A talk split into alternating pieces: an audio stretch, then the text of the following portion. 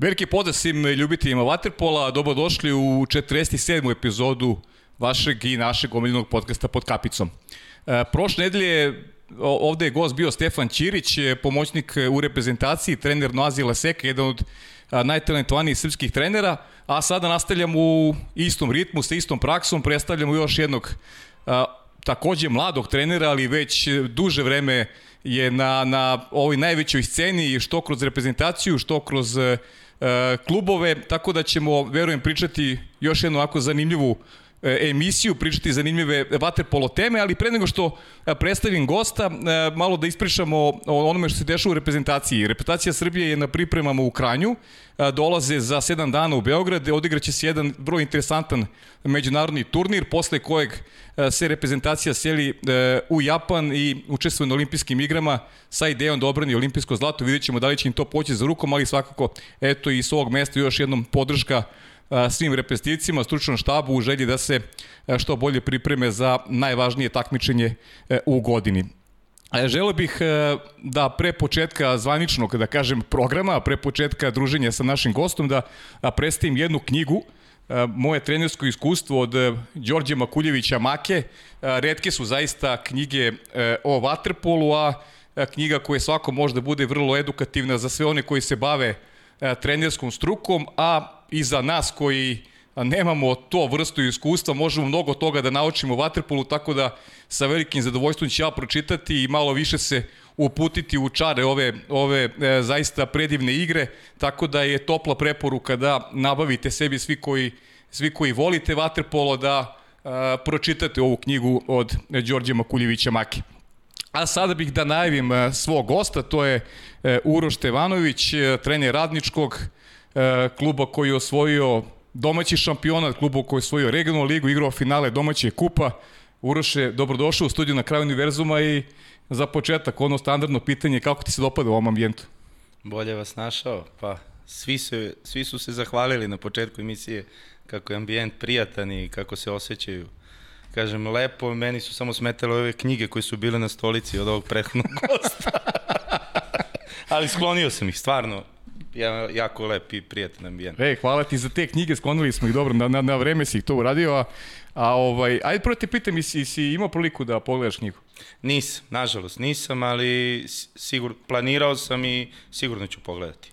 Dobro, dobro. Imao sam već neke makine, da kažem, i skripte i neke da kažem tako što je skupljao knjige od prethodnih i starijih trenera i sve, ali sigurno to sve lepo sabro u ovu knjigu. Dobro, e, promovisat ćemo konstantno ovu knjigu, zaista, zaista super štivo i kažem, do sledeće emisije ću ja knjigu obavezno da pročitam, tako da sa, sa velikim zadovoljstvom. E, sad ovako, razmišljao sam, uh, Uroše, kako da uh, krenem emisiju, uh, ovi uspesi radničku sada već svima poznati i verujem da ti dan danas stižu čestitke sa svih strana, ali ja bih se vratio uh, na taj period od 2013. godine kada ste ti i direktor Jugoslav Vasović došli u klub, u jednom momentu je bilo svega, pa onda nije bilo ničega, Pa pre nego što, da, pre nego što uhvatimo detalja, kako ti sada iz, iz ove perspektive izgleda put koji si, koji si prešao? Više je bilo ničega nego svega. Da. To svega smo tek na kraju evo dočekali. I nadam se da će potrajati ne samo kod nas, nego i na celoj vaterpolo sceni u Srbiji. Jugoslav i ja smo došli otprilike u nekom istom trenutku. On je došao možda malo pre mene, mislim u avgustu 2013. godine, ja u septembru 2013. godine. Uh mhm. -huh. Ja sam bio trener u Partizanu, radio sam sa Vladimirom Vujesinovićem, dobio sam poziv i kada se radnički stvarao te prve godine, 2012. E, u tom prvom momentu nisam došao u radnički, te druge godine neke, neka situacija se promenila. Došao sam stvarno u jedan klub koji imao najveće moguće ambicije sa stvarno vrhunskim igračima, i organizacija kluba je bila u tom prvom trenutku stvarno fantastična, ali kako je išlo vreme, sve to eh, jednostavno nije imalo podršku tu neku finansijsku i raspalo se kroz eh, već na kraju druge sezone naše dole u Radničku. Uh mhm. -huh. E, ajde, ja bih da krenemo od te 2013. godine kada si došao, došao si u klub velikih ambicija, velikog e, budžeta. Kakva su bila zaduženja, prve impresije? A ja sam došao kao trener u stručnom štabu. Mhm. -huh. Dejan Jović je bio trener seniorske ekipe. Imao sam zaduženja sa seniorskom ekipom, neki manji deo što se tiče rada sa mlađim kategorijama, ali glavni deo je bio sa tom seniorskom ekipom i podrška, to neka stručna. Ovaj, posle onog finala kupa i čuvenog gola Denis, tenisa da. za, za pobedu, De, Dejan Jović i Radnički nisu nastavili saradnju, ja sam preuzeo ekipu do kraja sezone, Onako, onako da kažem, fantastično je bilo raditi sa svim tim šampionima, sa Filipom, sa Čirom, sa Burićem, sa Zlokovićem, ali jednostavno sve, nisu sve kockice bile složene, to se na kraju odrazilo i na rezultat. U, ne, u nekom naletu i sledeća sezona napravljena ekipa koja je možda bila po mom ukusu i uh -huh. po mhm. mom ukusu, baš po mom ukusu, onako i kvalitetnija, ali te neke stvari koje su nas pratile pored bazena jednostavno su previše uticale i nismo imali uspehe koji smo trebali da imamo.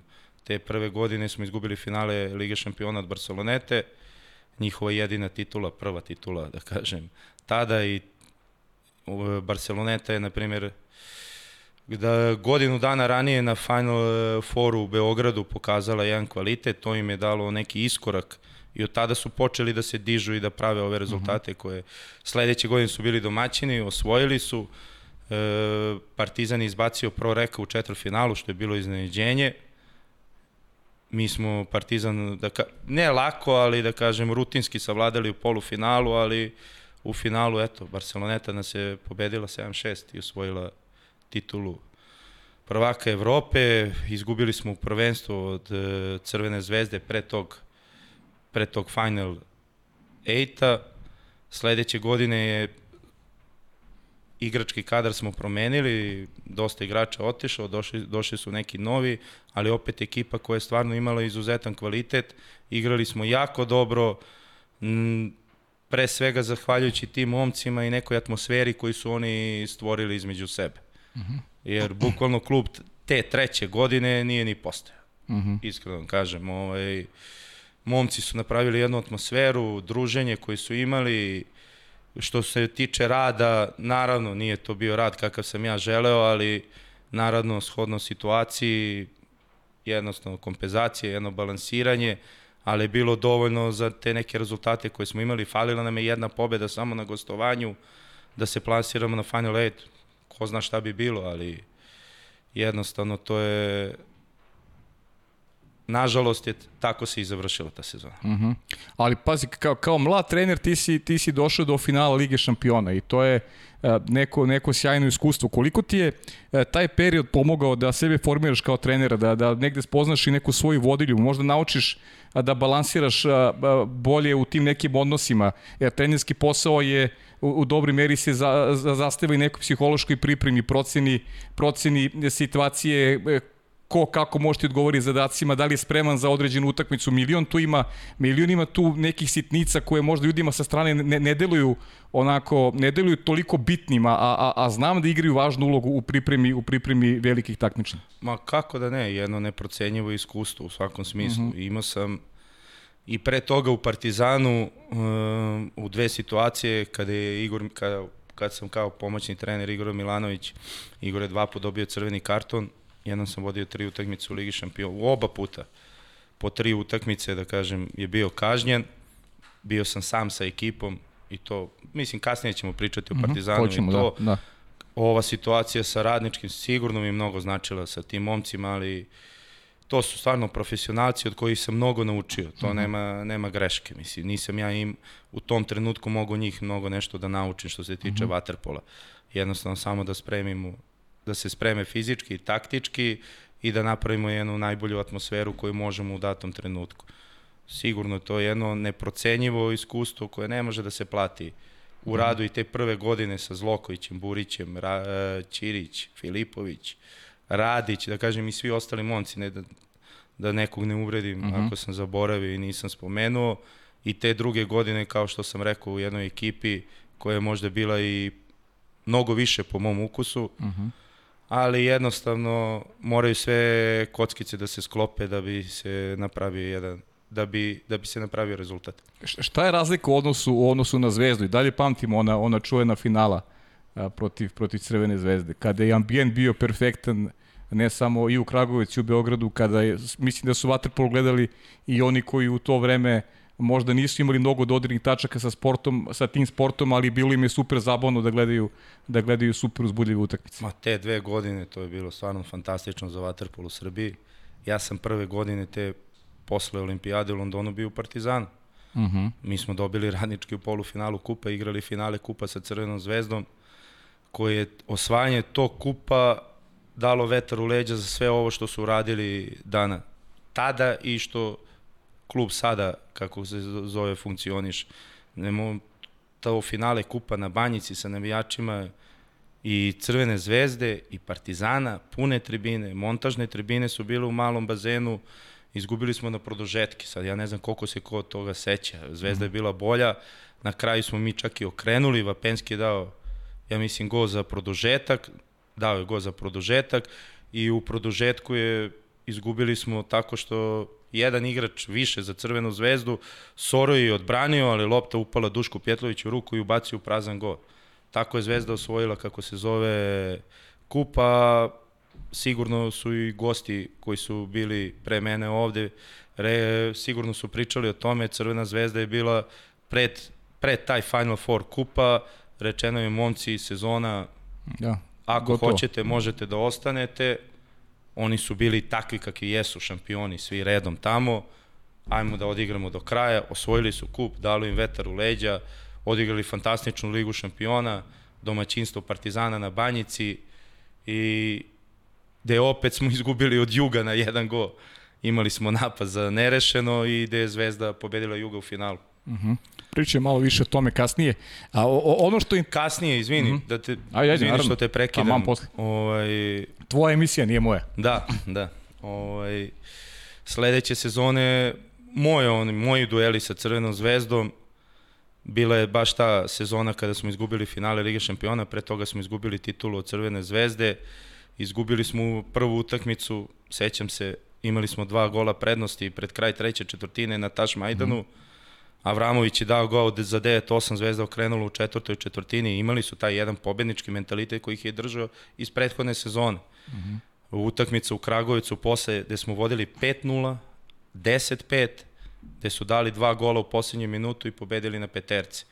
Zloković je tu izašao povređen, nije igrao mm -hmm. veći deo druge utakmice, treću, Korolija takođe. To su neki problemi koji su nas pratili posle, kasnije na Final 8 Lige šampiona. Ali eto, to je moje neko iskustvo sa Zvezdom. Jednostavno, njihovo vreme, pravi momci, prava ekipa i sasvim zasluženo sve što su uradili.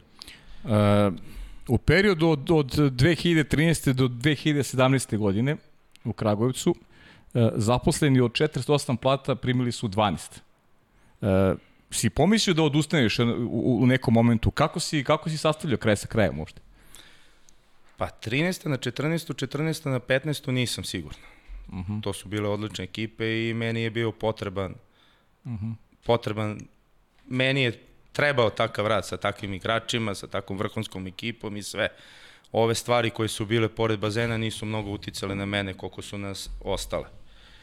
E, posle toga kreću, mislim, i posle te druge sezone kreću sumnje šta i kako dalje i i šta ćemo da radimo. Mi smo već sezonu, to je 15 na 16, e, totalno pomladili ekipu. Nismo bili konkurentni ni u domaćem prvenstvu.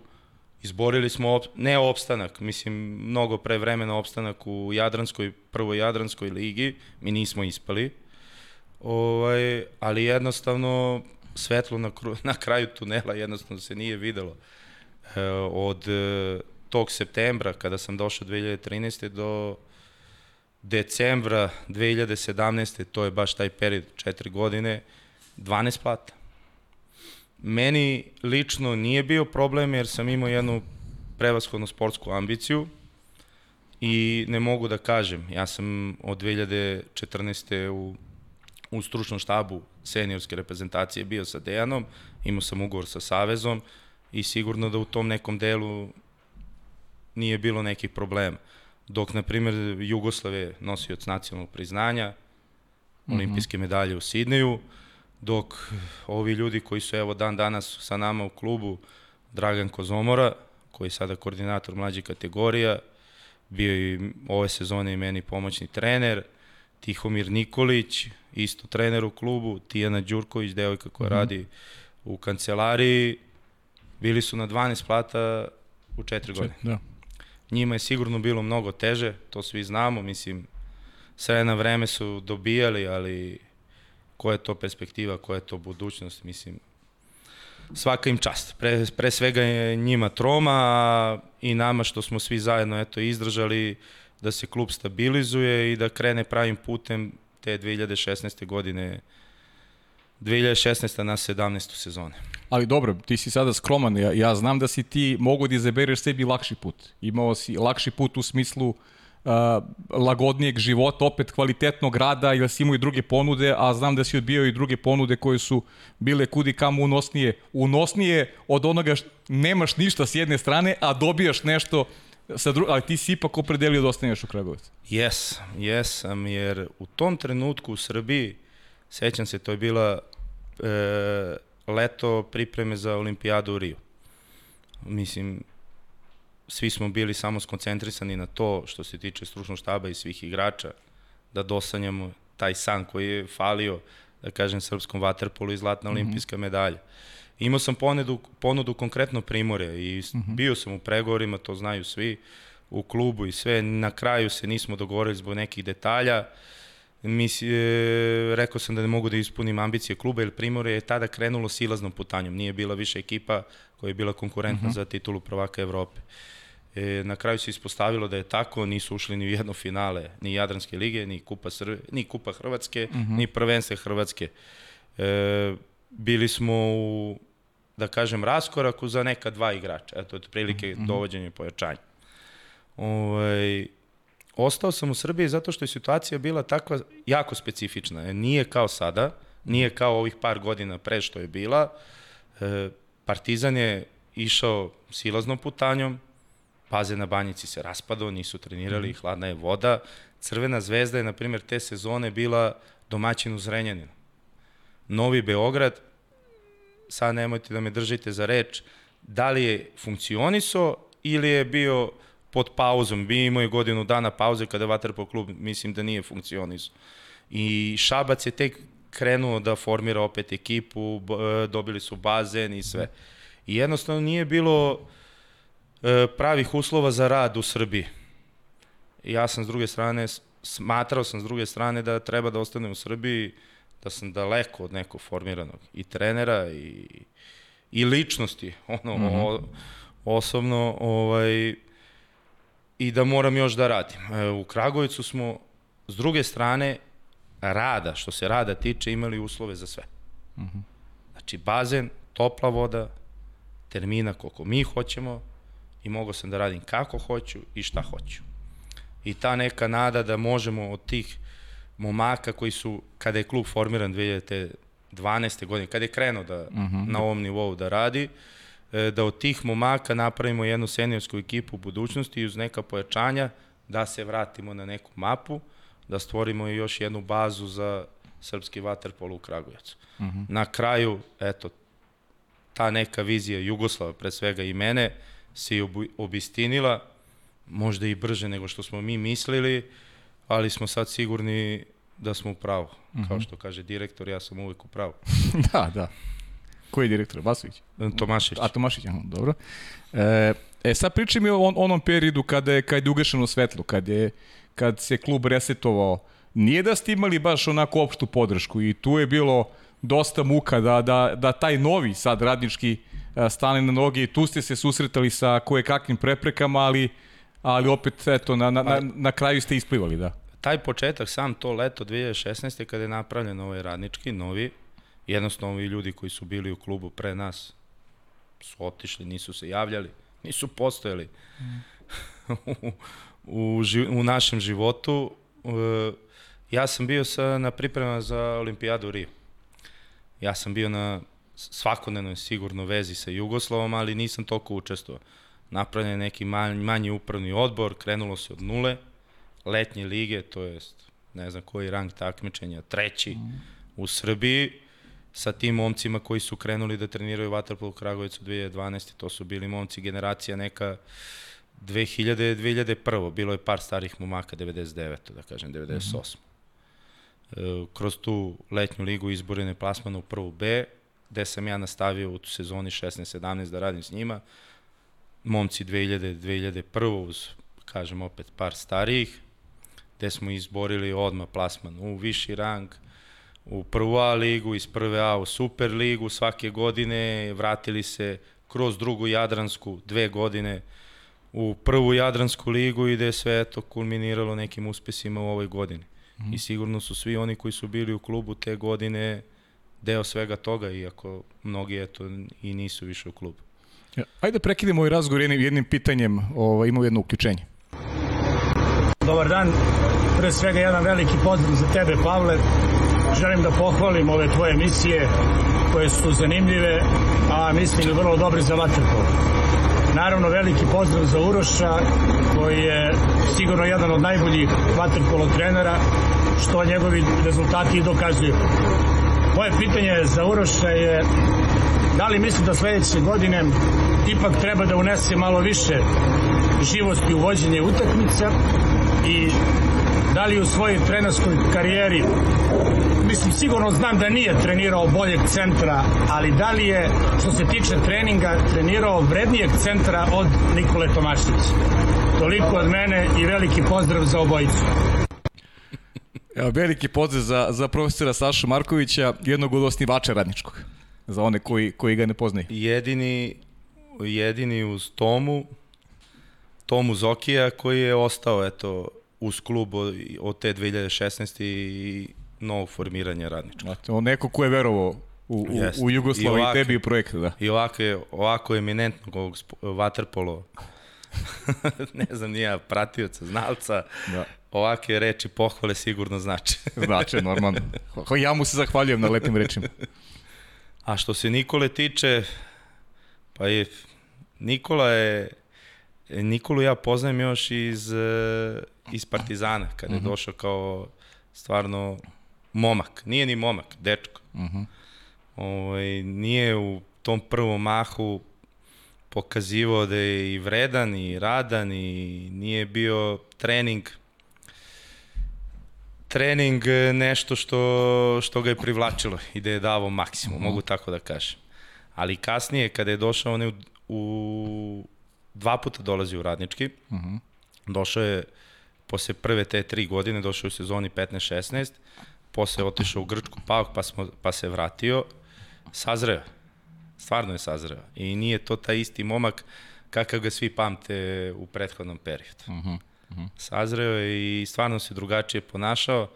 Jedino što nije voleo da pliva i radio je stvari koje su radili ono desetogodišnjaci, pošto je plivo skroz desno ovako, tu sam ja eto malo zatvarao oči, ovaj, plivo je skroz da kažem, desno i kada se plivalo, nije plivo baš do ivice, nego je malo seko.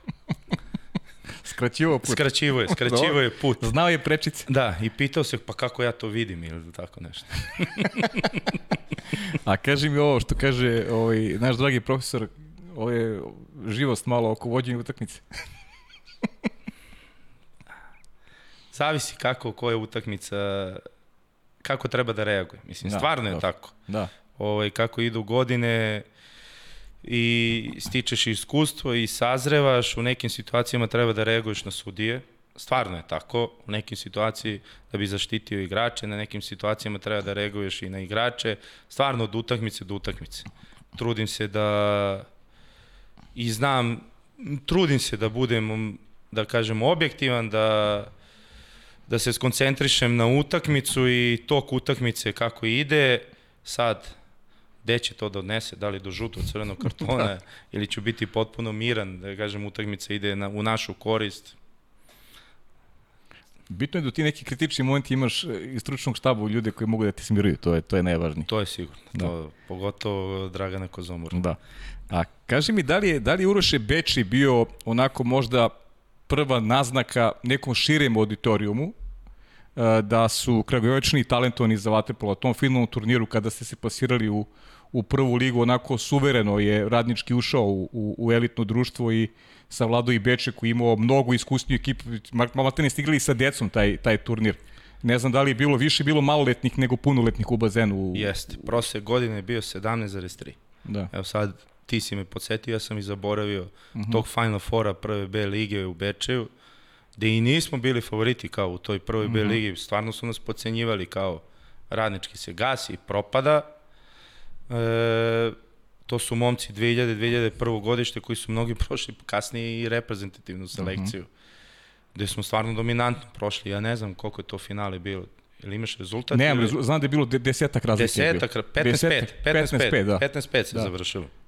15-5 u Bečeju i bilo je neočekivano. Beče je tražio domaćinstvo, sećam se ko, ko juče, e, to je bio javna nabavka i sad ko ponudi više je domaćin Final Four. Mm -hmm. Mi smo imali želju, ali nismo imali financije. Jer u toj sezoni 15 na 16, mi ni dalje nismo imali podršku grada. Kao što uh -huh. sam mhm. rekao, do de de decembra, 28. decembra 2017. Uh -huh. nije bilo ničega. I mi nismo imali ni dinara. Bila je javna nabavka, želi smo budemo domaćini, jer bile su dve grupe u prvoj B lige i nismo znali tačno kakvi su protivnici u drugoj i, i sve i javna nabavka i sad mi ponudimo jedno noćenje, platiš za sve ekipe. Beče ponudi dva noćenja. Ja kažem Jugoslav, dobro, ponudi dva da nam prate makar i prevoz, da odemo tamo, nemamo ni za prevoz. On, zadržali smo se na tome. Imali smo besplatan smeštaj u Beči, eto, da. te, te godine. I stvarno smo bili dominanti. Polufinale sa Singidunumom. Te sezone smo imali dva Singapurćanina u ekipi. Da, sećam se. Dva Singapurćanina koji su ovde došli da uče waterpolo i finale smo stvarno bili maksimalni, 15-5, onako dominantno smo ušli tu prvu A ligu. Da, i, i onda od te godine kreće ono što se zove e, popuna selekcije, nešto si, na čemu si ti radio iz godine u godinu. Dakle, od te sezone počinje da jača kvalitet tima. Ti mladi momci da se afirmišu, da koliko u skladu sa budžetom da se dovode određeni igrači koji će te momke da učine jačim, koji će da učine klub jačim, a ono što je meni interesantno je da kažem i uvode emisije, znam priču, znam da si ti skroman, znam da su mnogi igrači iz inostranstva želi da dolaze kako bi radili sa tobom i to, to nije nikakva tajna da su možda dolazili da igraju i za manje novca, ali da imaju taj kvalitetan rad, usavršavanje pod nekim tvojim nadzorom. Jeste, ovaj, prevashodno zbog finansijske situacije nismo mogli da dovodimo igrače koji smo mi želeli. Mislim, teli smo najbolje. Andriju, Filipa i Dulet, ali ne da. možeš. Da. O, e, već te sledeće sezone u prvoj A ligi e, sistem takmičenja je bio takav da valjda prve dve ekipe idu u Super ligu sa ekipama koje igraju Jadransku ligu. Nije tad bilo Jadranske druge lige. I mi smo se plasirali, igrali smo Super ligu sa tom, da kažem, mogu stvarno budem ponosan sa tim momcima koji su naučili da plivaju u Kragujevcu, u Kragujevcu u bazenu. Ovaj, bilo je raznih stranaca, mislim, i od Marka Martinića koji je stavio stvarno jedan trag u Kragujevcu, a i, pove, i poneo sa sobom. Mm -hmm. Čiro Blažević, ovaj, kazahstanskih igrača, mm -hmm. jer sam ja, vratit ćemo se na tu priču, Hoćemo, ovaj, ranije bio u Kazah, Kazahstanu za olimpijske mm -hmm. igre u Londonu, i stvarno je bilo stranaca, to i kasnije se pokazalo čak i prošle sezone ovaj, Francus Dino, uh mhm. -huh. koji je stvarno stavio trag i mnogo nam pomogao i da uđemo u prvu Jadransku ligu i prošle godine da osvojimo Kup Srbije, pretprošle godine da osvojimo kup, kup Srbije, to je bilo decembar 2019. I ovih godina, ali eto, srećom sada možemo da se potpuno posvetimo srpskim igračima i da mi biramo ko mm -hmm. će da doće. E, kaži mi, koliko je mukotrpan taj proces? Znam da jeste stvaranje igrača. E, možda neke primere da navedeš, možda neke momke e, Da li postoji neki primjeri da, da od nekih dečaka nisi očekivao da su, da su napravili jedan, jedan ozbiljan iskorak u razvoju, a da opet neki koji su bili toliko talentovani, e, i, i u nekim početcima nisu došli do nekih, do nekih očekivanih uh, visina. Ti si mnogo radio sa mlađe kategorije, nevezano samo za radnički, praktično karijeru si obeležio kroz taj stvaralački proces. Pa jeste, od 2005. do 2008. u Crvenoj zvezdi, od 8. do 13. u Partizanu. Ali mnogo je više bilo primjera od, od uh, dečaka koji smo očekivali, mnogo da nema ništa, nego mm -hmm. da mhm. neki koji nismo očekivali pa da su isplivali. Mm -hmm. Evo sad sam se iznenadio baš pre neki dan. E, svi mi pričaju David Jovanović. Mm -hmm. Niko ne zna tog momka. To je momak 97. godište. Trenirao sam ga u Partizanu, znači u nekom početnom periodu, 10, 11, 12 godina.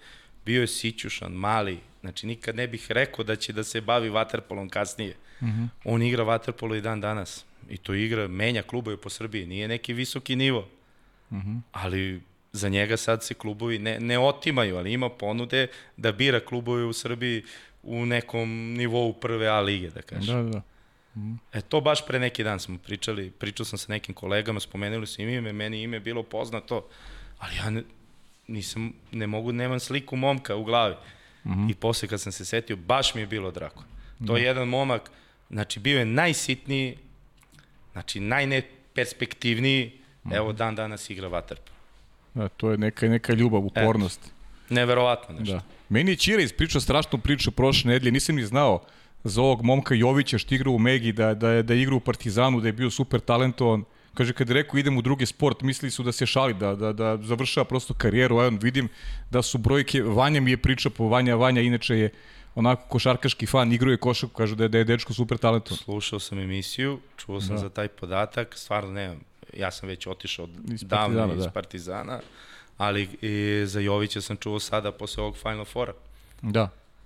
I video sam da je potpisao i ugovor sa Megom i da je super talentovan momak kao Jokić, Petrušev i, da. i ovi pre njega i hvala Bogu, dečko da je prešao na košarku. Dobro, ajde sad, kako, zavisi kako, iz, ko, iz kog ugla gledaš. Da. I svakog, iz svakog. I svakog. Dobro, dobro. A kaže mi, kakav je ono što, što me zanima i, i mnogi to i piti, utice roditelja u današnje vreme, koliko se mešaju, da li dolazi na treninge, sigurno je drugačije klim u odnosu na, na neki period kada si ti počinje da se baviš vaterpolom. Pa to su svi ispričali pre mene, pogotovo mm -hmm. ovi, ovi šampioni zbog koji smo mi krenuli da treniramo da. vaterpolo to je bio totalno drugačiji sistem, bilo je malo dozvoljeno i ne mogu kažem nasilje, ali da. dozvoljeno malo vaspitno popravne metode ranije uh mhm. -huh. i kad se poželiš ocu onda dobiješ još. Da. Sada su se vremena probenila.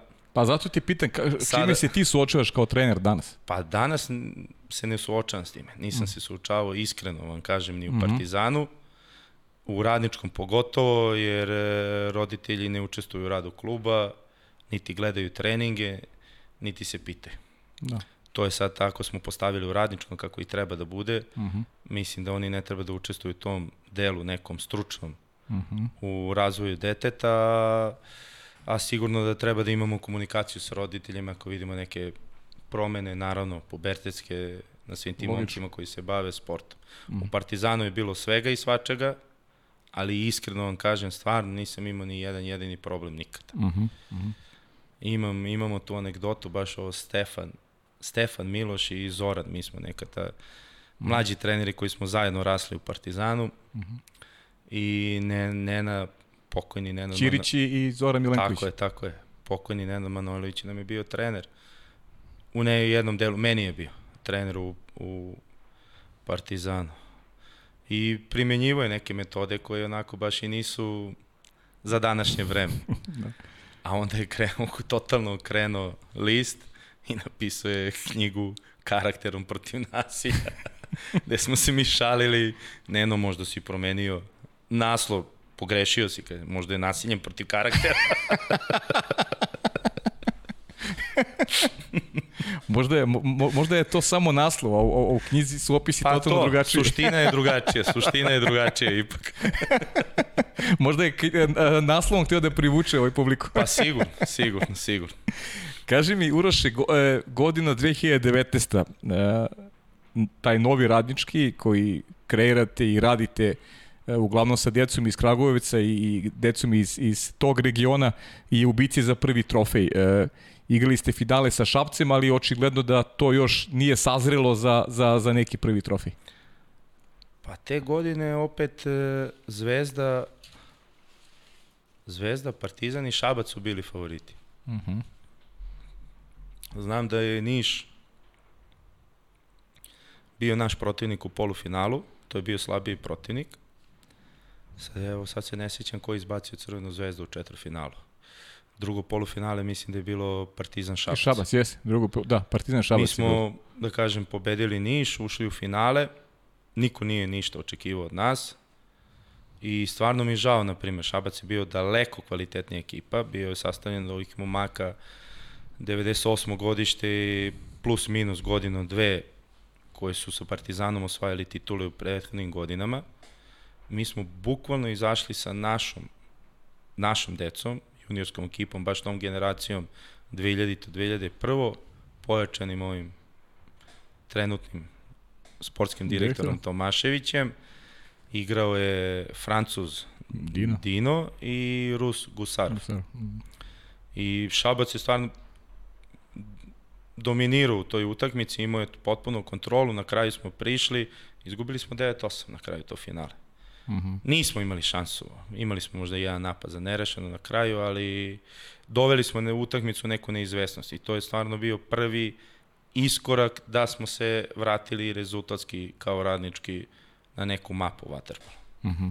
Ali zato već godinu dana kasnije ono što smo već pričali, da dogradnje ekipe pa uh, sastav koji je sve kvalitetniji, uh, ambicije sve veće, onda godinu dana kasnije u ona godina korone koja se nije završila, ali osvojate prvi trofej, prvi kup dolazi u vitrine, opet protiv tog istog Šapca, uh, pobeda i jedan turnir u Beogradu koji je bio onako baš, baš kvalitetan, možda nagoveštaj onoga što smo gledali u tekućoj sezoni i tek što ćemo gledati naredne, naredne godine.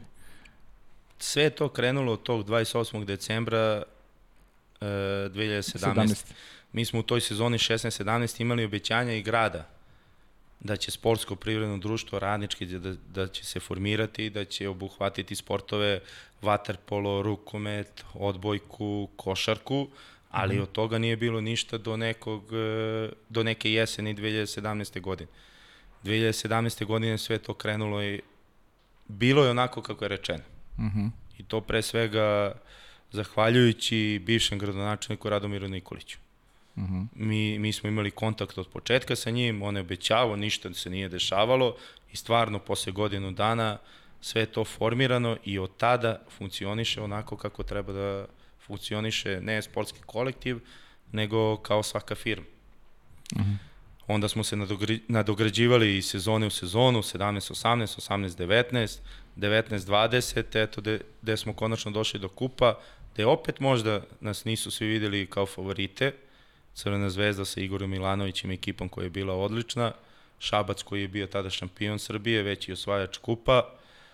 E, imali smo stvarno najteži raspored sa Crvenom zvezdom u polufinalu, finalu sa Šapcom, ali sasvim zasluženo smo osvojili taj kup, uh mhm. -huh. koji je još više potvrdio i taj naš rad i viziju i sve ovo što će se kasnije desiti. Ž, ostaje žal zbog ove pošasti što se desila korone mm -hmm. i što nismo mogli da se borimo za titulu prvaka Srbije, jer mislim da smo bili možda i najbliži u tom trenutku, ali eto, to je došlo kasnije.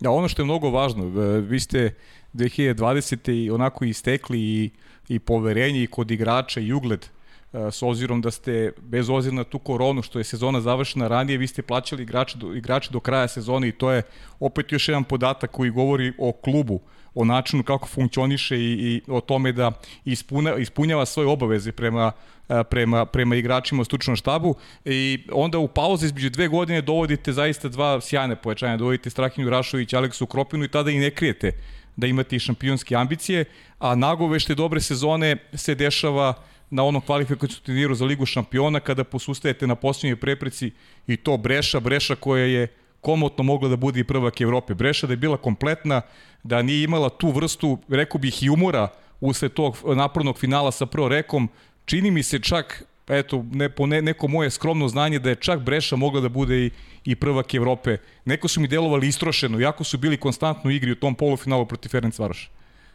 Jeste, sve kako si ti rekao. Ali to je eto, korona šta nam je oduzela možda borbu za titulu već te sezone, da. donela nam je Strahinju Rašovića i Aleksu Ukropinu. Mm -hmm. To su momci koji su igrali za ozbiljne ugovore u Mađarskoj jednostavno se tako poklopilo da su mnoge i zemlje i ekipe iz mnogih zemalja jednostavno morale da krate budžete.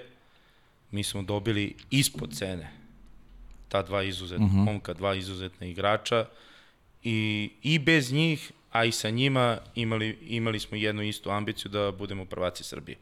Uh mhm. -huh. Sa njima je samo ta među nama onako lično u klubu ovaj, njihovo doveđe, dovođenje samo nam je stavilo još neki veći pritisak e, da moramo da budemo šampioni Srbije. Uh mhm. -huh. Sezona, kao što si ti rekao, ova poslednja, krenulo je za neke iznenađajuće, sećam se ovaj, tih naslova i sve tih kvalifikacija za Ligu da. šampiona. Mislim, krenula je utakmica sa sintezom iskazanja koji smo znali da je odlučujući u grupi za neki dalji plasman. Uh mhm. -huh. Mi smo tu utakmi, a, sintez kazanje je ruska reprezentacija. Ruska reprezentacija je sada na kvalifikacijama u Rotterdamu ostala bez olimpijske vize na peterci, peterci da. protiv Hrvatske. I većina igrača bez trojice, bez trojice, je u sintezu iskazanja.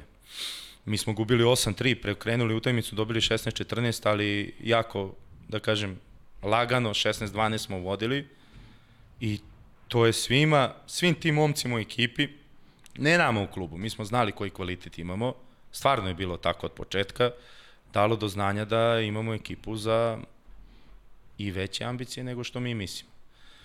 E, te kvalifikacije su prošle tako što smo sa OSC-om domaćinom turnira koji nam se stavio poslednju utakmicu da igra sa nama kao najlakšim protivnikom da. pred finale vodili 9-7, na kraju bilo 9-9, dali su dva gola u poslednju minutu. Bili smo bolji protivnik. već Ceko igra posle finale Len Kupa. Tako je.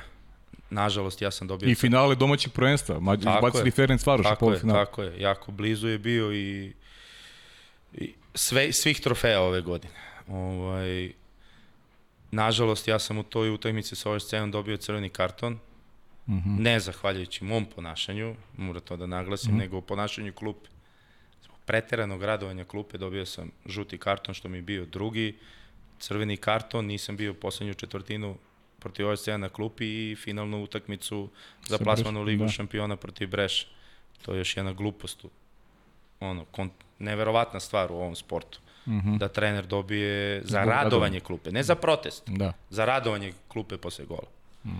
Ali opet, to je jedna druga priča. Finale sa Brešom, ja nisam bio na klupi, sigurno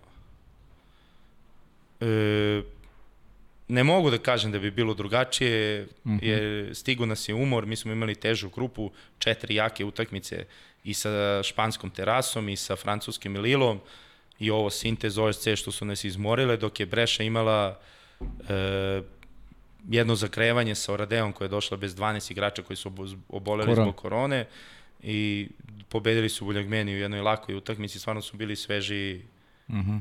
za to finale. I u Aleksa Kropina je napravio jednu glupost u toj utakmici, dobio sa pravom zamene zbog crveni karton, udaranje, isključenje.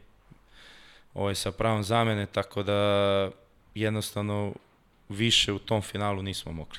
Nažalost. Da, ali pokazali ste da ste blizu i prvo, prvo finale prva bitka za trofej je ono finale sa Crvenom zvezdom u kupu, gde, gde je, rekao bih, Vatripol javnost očekivala posle, onog, posle onog pobjede Novim Beogradom da radnički osvoji taj trofej, međutim Zvezda je e, odigrala sjajnu utakmicu, pobedila na peterce i to je, eto, interesantno uvodu nešto se dešava kasnije. E, e, ili, protiv, ili protiv Zvezde nisi uvodio Todorovskog Nis. Ili nisi, nis. ja? Tu sam naučio lekciju.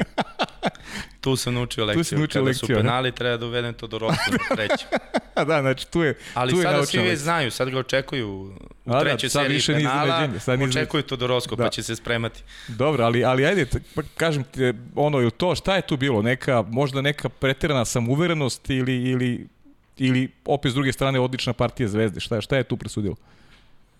Pa to je jedna lekcija koju smo mi morali da naučimo na putu na kome smo bili mm -hmm. i na mhm. kome smo i još. Jednostavno, bili smo favoriti, to nema šta. E, jednostavno smo, koliko god, ja sam osjećao to, upozoravao sam, ali igrači nisu bili svesni toga, znali su da su bolji, ne mogu da kažem da su prepotentno, nego da su imali previše samopoznanja za to finale. Mhm. -huh. I jednostavno smo hteli da u jednom napadu damo tri gola i da se odvojimo, da steknemo prednost i da završimo utakmicu. To jednostavno ne ide tako u finalima mhm. -huh. i to nam je jedna lekcija koja jednostavno ti momci mladi moraju da nauče u svojoj karijeri i prosto ne može da se učiš na tuđim greškama. Mhm. -huh. Moraš sve da platiš ti na, na nekom svom razvojnom putu i to smo tu platili i srećom, eto, kasnije smo sve to naplatili kako treba. Uh -huh. Ajme priče malo o toj regionalnoj ligi. Koliko si verovao koliko je bilo realno uopšte da se da se veruje u trofej igraš protiv mladosti Juga u Hrvatskoj i pre toga onaj turnir u Dubrovniku, ok, e, odmarao si svesno neki igrače, znao si šta ti je prioritet, da ti je prioritet plasmanu na Final Four, tako da nisi igrao u punom sastavu protiv Juga, ali opet ideš ideš ovaj u Zagreb na noge mladosti, pa na noge jugu, dva velikana evropskog vaterpola, dva kluba koji su prethodni 10 godina napravili ozbiljan iskorak u odnosu na, na sve klubove u Srbiji. Dva kluba zbog koji mi igramo Jadransku ligu, koji su bili daleko kvalitetniji do ekipa koji su bili u Srbiji. Da. Ali bi se vratio na taj kvalifikacijani turnir u Dubrovniku koji uopšte nije bio da. nimalo lak. Nama je cilj bio samo da se kvalifikujemo na Final mm -hmm. Four Jadranske lige i da se vratimo, jer mi smo klub koji je 2015. znači u onoj trećoj sezoni radničkog, kada sam ja rekao ekipa mhm. -huh. po mom ukusu, ovaj, koja je završila treća. I to je bio najveći uspeh, ja mislim. Da. Možda i jedini Final Four. Ne, ali stvarno ne znam. Mhm. -huh. Ali mislim da je bio jedini Final Four srpske ekipe.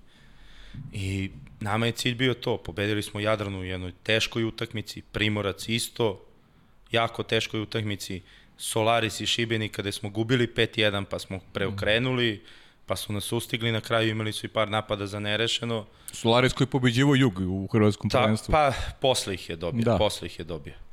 Ovaj, stvarno jedan izuzetno jako težak turnir po formatu kakav jeste. Turnirski u 3-4 dana da se odigraju 4-5 utakmica, gde je svaka na nož, to nije uopšte lako. Mm -hmm. I pogotovo što je došlo posle kupa i posle jednog, ne mogu kažem pražnjenja, ono možda dovođenje u sumnju i kvaliteta i svega opet. Mm -hmm. da, li, da li to tako kao što svi mi mislimo, da li mi imamo taj kvalitet, da li imamo taj potencijal i sve. Mm -hmm. ovaj, sve se to završilo na najbolji mogući način, imali smo utakmicu sa Jugom, pretposlednju, poslednju sa Primorcem za odlazak na Final Four, gde protiv Juga nismo Nažalost je bilo tako, jednostavno turnir je bio, imali smo pre toga tri jake utakmice, Budvu, Šibenik, Jadran Herceg Novi, znamo da imamo jug i sutra da imamo finale za odlazak na Final Four gde smo žrtvovali tu utakmicu. Jednostavno, nažalost je bilo tako, mislim, sam svakog igrača da igra protiv juga u Dubrovniku i u Gružu, da vidi, da oseti taj jug, da pokuša da se nadmeće, da bude bolji mi smo žrtvovali tu utakmicu u svakom smislu, neki igrači su se odmarali, ovi koji su bili u sastavu manje su igrali, igrali su ovi neki juniori. Sutradan smo ispunili cilj i kvalifikovali smo kvalifikovali smo se za Final Four, ono, cilj opravdava sredstva. Eto. Mm. Nažalost, ali eto, taj jug kasnije je došao, ovaj Final Four u Zagrebu, opet tu mora da se nadovežem na Lane Cup, Mm -hmm. Mi smo neposredno pre tog Final Fora imali dve utakmice sa Solnokom. Izgubili smo u Kragovicu 14-12, primili smo poslednji go dva bloka, imali smo igrač više za 13-13. Eto, jednostavno, to je tako trebalo da bude. Solnok je, mislim, ekipa fantastična ove sezone. Od početka sezone igraju fantastično. Pa ajde da budemo onako iskreni, Solnok se najviše namuči protiv Radnička. Pogledamo i posle rezultate u polufinalu i u finalu najviše muka imao protiv Radničko. Ajde ja to da kažem, pošto znam da ti, ti nećeš. kaži, mislim, šta, znam imamo, da ti nećeš, šta da. imamo od toga? Da, pa dobro, okej, okay, ali može samo se. da se konstatuje, da. Jest. I nerešenu, nerešenu Mađarsku gde ste imali Ne. i prednost u prvom delu utakmice. Imali smo prednost, imali smo čak i u četvrtoj četvrtinu šansu da povedemo, promašili smo stvarno jedna dva zicera, ali o, o tom potom, ko zna šta bi bilo. Da. E, opet, taj solno koliko utakmica kući bila razočarenje. Uh -huh. Bila razočarenje i za igrače i za sve sve oko kluba, to sam onako baš onako osetio. Da, ali to, Ne tu se vidi čega. karakter, ali, ali pazi. Ne znam zbog čega, Da. jer Ali zar to nije dobro? favoriti. Zar to nije dobro? Jest, jest. Mm Mhm. -hmm. U tom, u, bud, u ovom kasnije delu što mm Mhm. -hmm. dolazi. Mm -hmm. Gde smo odigrali u Solnoku, stvarno smo verovali da možemo da prođemo. I mnogo smo bolje igrali cele sezone i kasnije i u play-offu i ovo ranije što je bilo kada nemamo pritisak. Mm. -hmm. Ipak su ovo mladi momci, ipak im treba iskustvo i ipak im treba još godine i godine rada da bi ostvarili sa, sav taj svoj potencijal. Mm -hmm. Jednostavno to je ovo, opet se vraćam na staru priču, ne može da se plati tako neko iskustvo. Mm -hmm. Jednostavno mora da prođeš kroz toga. Ne može da se naučiš na tuđim greškama, očigledno da je tako. Da. I ovaj, ta utakmica u Solnoku gde su oni verovali da smo eto ispali, gde stvarno sam bili razočarani svi što smo ispali. Verovali smo da možemo da prođemo, nam je mnogo značila za Final Four Jadranske lige. I? Pa prva utakmica Mlado Zagreb gde jednostavno prve dve četvrtine nismo ni došli na utakmicu, gde je Mladost mogla i da reši tu utakmicu. Druge dve četvrtine fantastičan procenat igrača više, mislim 5 od 6 i odbrana i imali smo utakmicu u potpunoj kontroli, ali opet nismo imali taj tu zrelost da privedemo utakmicu u kraju i rešimo našu korist, da ne ode na peterce. Peterci nisu lutrija kao što su rekli svi gosti pre mene. Ja to isto mislim, generalno penali to se, nisu to se lutrija nikad. sprema, to se, ve, ja. to se vežba i, i način branjanja golmana i, i igrači šutiraju realno na jedan isti način kada su odlučujući najteži momenti. Sve to može da se spremi. Mm. Todorovski čuveni. A ka, kako to, misliš, ka, kako ti se to javilo? Mislim, kada si ti to odlučio? Baš me zanima taj moment. Znaš, kad, kad gleda neko sa strane, imaš Lazara Dobožanova koji je, koji je repestivac, imaš dečka s druge strane ko, koji onako poznat je vaterpolo javnosti, ali sad cela, cela Srbija gleda realno a, to protiv mladosti. Sad dolazi golman koji ne brani, koji ti najbolje znaš kakvi su njegovi kvaliteti, ali ti u sve te penal serije uvodiš, uvodiš Todorovskog. Pa to se već desilo od kupa uh -huh. i od penala sa Zvezdom. Gde ja nisam imao hrabrost da zamenim Dobožanova. Uh -huh. Možda ne hrabrost, nego eto da pustim njega da da i on prođe kroz takvu situaciju i da ima jedno iskustvo za dalju uh -huh. karijeru. Ono je stvarno i sa usponima i padovima branio celu sezonu, ali definitivno ima potencijal veliki. Uh -huh. I najveći problem je on sam sebi. To uh -huh. sad moram da kažem. Okay. Jednostavno, njegova glava je jako specifična, on to zna, pričamo svaki dan, da. ali kao i svi mi, najteže je pobediti sebe. Uh -huh. Ako bude pobedio sebe, moći će sav, sav taj svoj potencijal da ispuni. Da. Tada, posle te utakmice, nisam ubacio e, protiv Zvezde nisam stavio Todorovskog, inače imali smo neko iskustvo ranije i kroz priču sa Dekijem, Savićem, uh -huh. od prilike vidiš da golman nije na lopti, da nije uh -huh. to, ti menjaš u trećoj seriji golmana. I Deki je bio ovaj, na Final Fouru u Zagrebu i bio iza klupe. Uh -huh. I kaže, ako, ti, ako ne odbrani prve dve, pa mislim, nemam šta da krijem, okay. ne odbrani prve dve serije, menje. Ja sam to već odlučio bio. Uh -huh. I Todorovski stvarno treći peterac brani sa dve, sa dve ruke Vrliću, uh -huh. koji stvarno po, pogodio 90 stepeni igrač. Ovaj, Todorovski srce ekipe, u svakom smislu. Uh -huh. Znači, jedan izuzetan momak koji zna da je Dobožanov u prednosti, da je on prvi golman i da jednostavno samo kad njemu ne ide da će dobiti šansu. Svaku svoju šansu iskoristio, svaki put kada je ušao na go branio je fantastično i taj peterac i ovaj kasnije protiv Novog Beograda i ostalo. Ne samo što je srce ekipe, nego jednostavno onaj moma koji je bukvalno srce ekipe, koji je sa svima dobar mm -hmm. i koji drži jednu tu fantastičnu atmosferu i koji zna koja je njegova pozicija u ekipi i odlično se ponaša u svemu tome. Da, sjajno. Golman koji je bio proglašen i za najbolje golmana za svoje godište na prvenstvu Europe. 98, mm -hmm. za 98. godište za, u Azerbejdžan. Mm -hmm. Idealno, idealnih sedam igrača bi. Mm -hmm. I dolazimo do juga posle toga. Da. Isto koji mladost, kvalitetnija ekipa od nas, mm -hmm. ali jednostavno i mladost i jug u tom trenutku nekoj silaznoj putanji. Mi smo bili u uzlaznoj, fizički smo bili jako dobri da možemo da izdržimo drugu utakmicu u dva dana. E, gledajući ono jug u hotelu, svi smo tu u jednom hotelu, oni su bili možda malo i opušteni. Bilo im je jako drago što su što je mladost ispala i što kod domaćin ne igra proti njih u finalu. Pobedili su Jadran koji ih je pobedio, mislim, pre, malo pre toga u domaćem prvenstvu Hrvatske u Gružu. Uh mhm, -huh, u Gružu jest. ih je pobedio. I jako su bili skoncentrisani na tu utakmicu kada smo mi pobedili, oni su, mislim da su nas pocenili, da, da su mislili da su osvojili trofej. I jednu anegdotu ću da ispričam, mhm. ulazio sam u hotel posle polufinala, to je bilo rukovodstvo Juga, onako, javili, javio sam se, pričali, mislim, svi se poznajemo, jako, Naravno. stvarno, jedni fantastični ljudi koji vode klub. Uh mhm. -huh. Jug je, kao što Jugoslav stvarno priča i priča i ovde u emisiji, uh mhm. -huh. klub koji, kako me mi težimo i kako želimo da izgledamo. Uh -huh. I rekli su na kraju nešto, javili smo se, pričamo i u prolazu i kažu nek pobedi bolje sutra. Ja kažem pa ne mora baš bolje da pobedi sutra. tako i bilo. I dalje mislim da je tako, ali na kraju sasvim zasluženo. Stvarno, da. finale odigrali smo fantastično.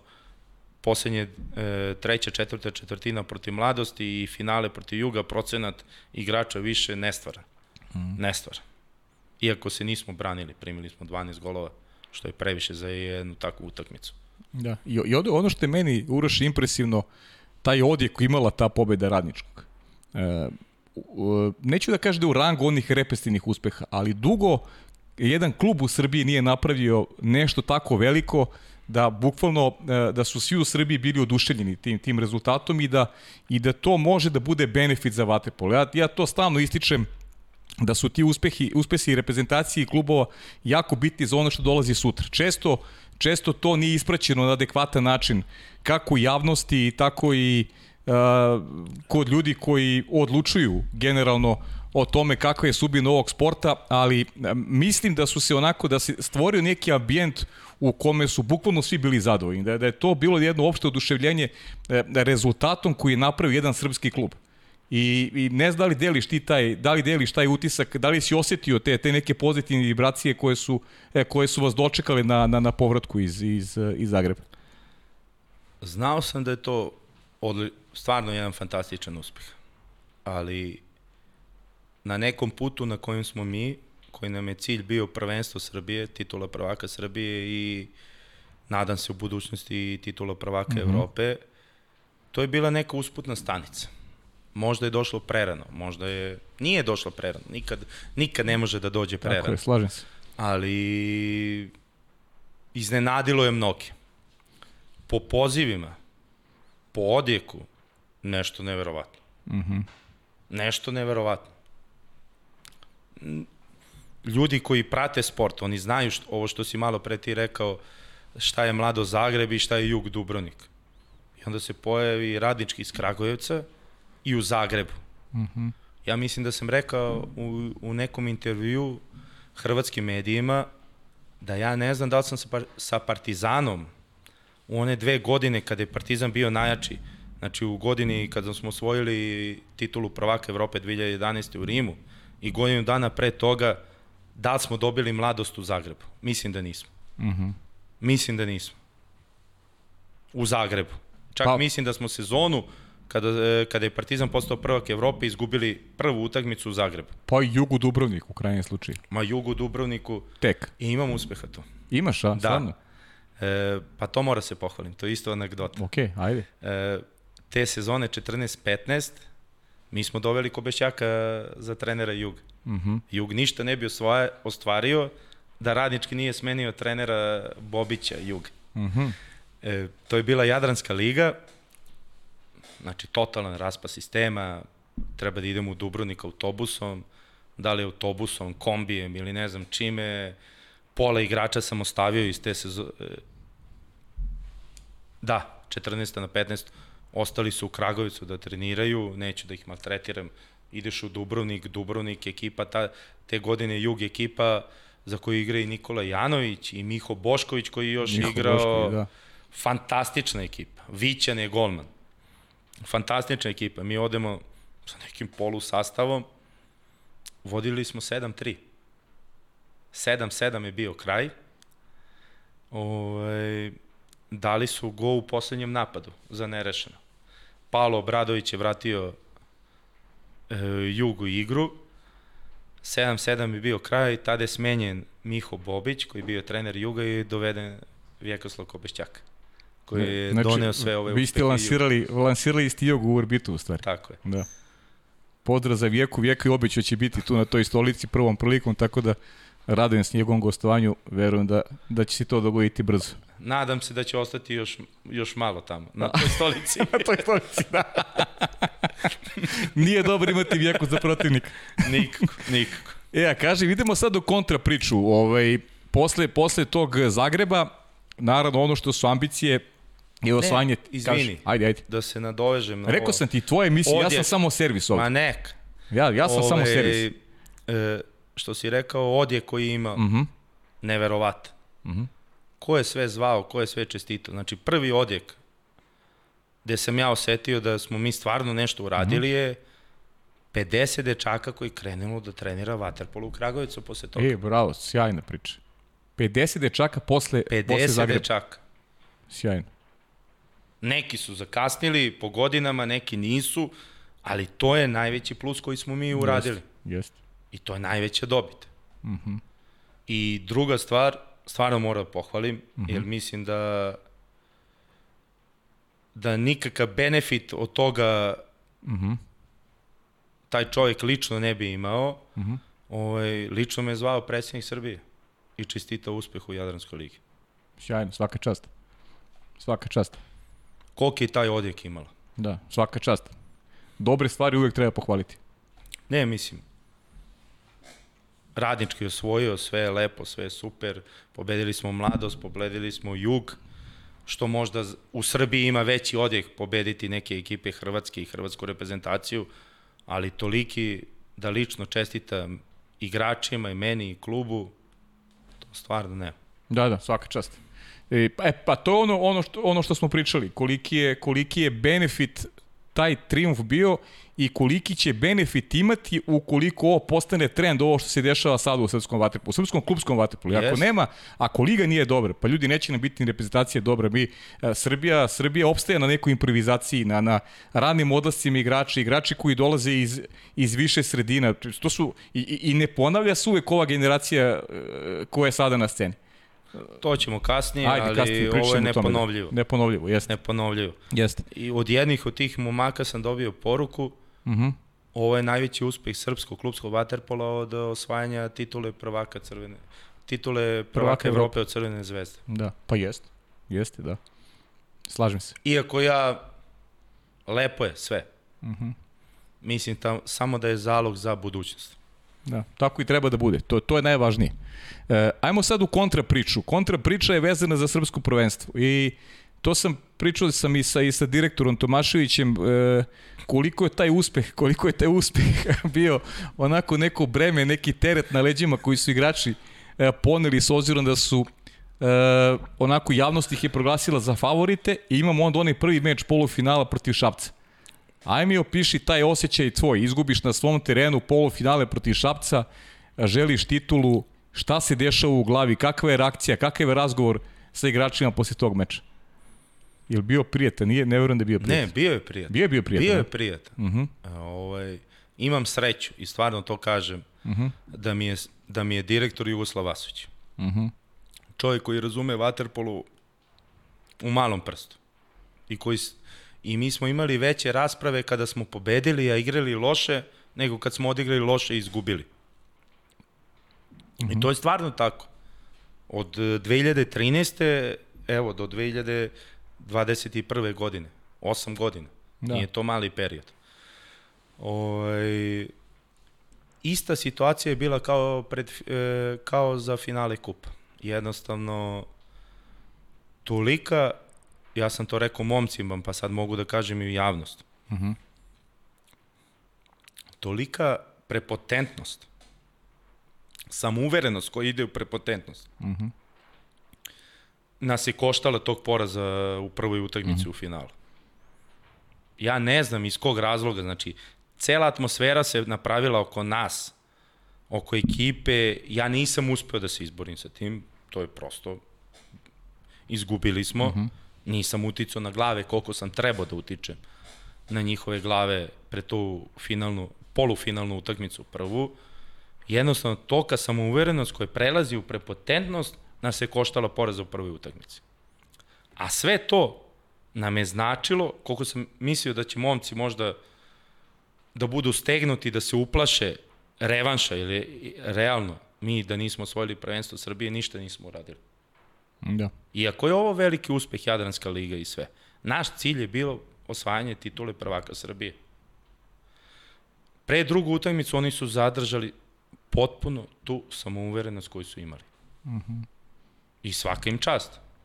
To znači da stvarno imaju neki potencijal i u glavi. Da, to ono što si pričao. dalje. Sada su i pod pritiskom pokazali Jest, da jest. su pravi. Jeste, u pravom trenutku. Mm -hmm. Jer jednostavno i da smo izgubili u Šapcu, Gotovo. sve, sve je lepo, kao osvojio si Jadransku ligu, ali nisi bio favorit, nisi imao pritisak, desi, mladost nije u najboljem trenutku, Jadran nije u najboljem trenutku, e, Jug nije u najboljem trenutku, Jadran Split, to sam zaboravio da kažem, je možda bio u najboljem trenutku za osvajanje Jadranske lige. Mm -hmm. Ekipa koja je bila najspremnija za osvajanje to. Mm -hmm. Ali jednostavno, eto, pokazali su karakter, mm -hmm. koji nije uopšte bio upitan. Jednostavno, to je bilo ta... To znamo da je tako. Mm -hmm. Pobedili smo u Šapcu, majstoricu u Kragujevcu stvarno odigrali kako treba da odigramo. Ništa da. drugo da ne mogu da kažem.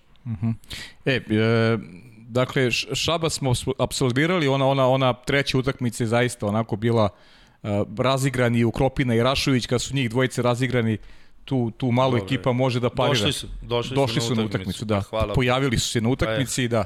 I, I kad su oni razigrani, tu, tu nema, nema nekih, nekih šansi za, za rivale Novi Beograd. Opet ona, ona prva utakmica Novi Beograd koji je, e, ja stvarno moram da, da ti momci iz Novog Beograda čestitam, jer oni su manje više u tom momentu znali da će od te ekipe možda njih dvojica ostati sledeće godine. To je već, je, već je bila poznata ekipa Novog Beograda za narednu godinu.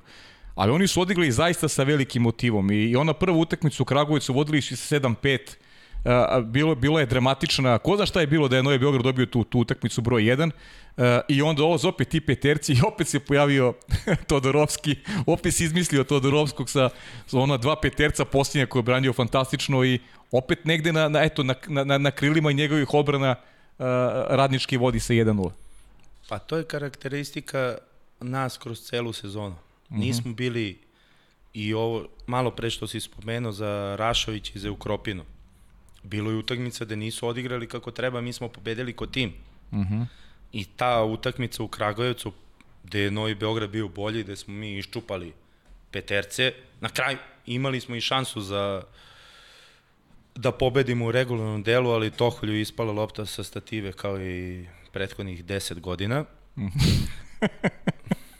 ovaj, otišli smo na peterce, Todorovski, ovo što sam pričao i ranije, srce mm. ekipe, jednostavno, stvarno, dečko, tako srce ima i takvu koheziju pravi u timu za atmosferu i celog tima, znači mm -hmm. sa svima je drug. Mm -hmm. Neverovatno nešto. Samo me, e, odreagove kako treba u pravom trenutku. Mm -hmm. Ovo Ćuku, poslednji peterac, Ćuku odbraniti Pa jest, nije, nije lako uopšte. ali izgleda nam, izgleda da Todorovski bira nama ekipu. Aha. Odbranio je Vrliću peterac, treći, Aha, pa dobro. sad je Ćuku peti, Da, pa dobro, to, će sad, to ćemo I sad mi za, smo za, njih za, doveli- za kraj dela o radničkom, da. i viša sila izgleda. A kaži mi, što nisi skočio u bazen? Iako je Makedonac, izgleda da je onaj pravi pravoslavac. Pravi pravoslavac, da. Znam da čiji je račun ovo. A, čekaj, ovaj, reci mi, reci mi ovaj, šta se teo, uh, što nisi skočio u bazen na kraju, nestao si posle utakmice. Čekaš, rekao si, rekao si kod mog draga kolege Ivana Ivanovića da, da će skočiš u bazen za neku specijalnu priliku. Šta je specijalna prilika? Titula prvaka Evrope. Kad bude pravi moment. Kad bude pravimo, znači neće da, Da. otkriva šta je, nego kad Ne, bude pravi ne, moment. nema tajni, nema tajni. Uh Mhm. -huh. Jednostavno, to sam osvajao sa Partizanom, mislim da pripada i, i momcima, i klubu, i svima nama. Uh Mhm. -huh. Kad bude pravi moment, mislim, sama će, sama će ta situacija, energija, da, ti da se desi. Dobro, dobro. Desilo se to hiljadu puta kroz seniorsku reprezentaciju, tako da mislim da će da se desi i sad. Uh -huh. A kaži mi eto za kraj ovog dela o radničkom, šta je plan za narednu sezonu? Ajde, kaži mi koje su ta pojačanja, počeo si da pričaš neki ciljevi kada je u pitanju Evropa, domaći šampionat. Ciljevi su uvek najviše, uh -huh. pogotovo posle ovih uspeha u prošloj sezoni. Doveli smo Josipa Vrlića, Hrvatskog centra, da, iz mladosti. jednostavno najboljeg centra na svetu uz Duška Pjetlovića. Uh -huh. To uopšte nije upitno. I to stvarno smatram kao naš najveći uspeh. Uh -huh. Pogotovo što smo ga doveli iz mladosti iz Zagreba i zamenili smo Strahinju Rašovića za Ćuk Miloša. Uh -huh. Strahinja je dobio ponudu Novog Beograda koji jednostavno on nije mogao da odbije. Eto. Ok, da. Um, oni, oni nisu teli da produže ugovor sa Ćukom. Mi smo reagovali, zamenili smo bukvalno glavu za glavu i uh -huh. to je to. Žao nam je, Strahinja je imao dogovor sa nama, uh -huh. Ali za razliku od Kropine, Lukića i Radulovića koji su imali ponudu Novog Beograda, one, i mi smo ga savjetovali, Jugoslav mu je rekao da na njemu je da razmisli, ja sam shodno Strahinja Rašović je takav momak da toliko, toliko vaspitan i toliko kulturan Da, jeste. da te je sramota. Kad priča sa njim. Jeste, imao sam Koliko priliku zaista. momak i divan sve. momak, jeste. Jeste. I jednostavno on je imao, sad je, sad je dobio ponudu na četiri godine od Novog Beograda, kako nije imao u prethodne sezone, pre radničkog Egeru, znači u, u karijeri nije imao takvu ponudu. Jednostavno, mislim da neke stvari moraju u nekom trenutku da se naplate, uh -huh. da se naplate i pustili smo ga, ništa drugo. Ali bukvalno pustili smo ga. On bi ostao, da smo mu mi rekli imamo dogovor, bilo je ruka Jeste. ruci, on bi ostao. I to ništa njega, njega ne bi poremetilo niti bilo šta.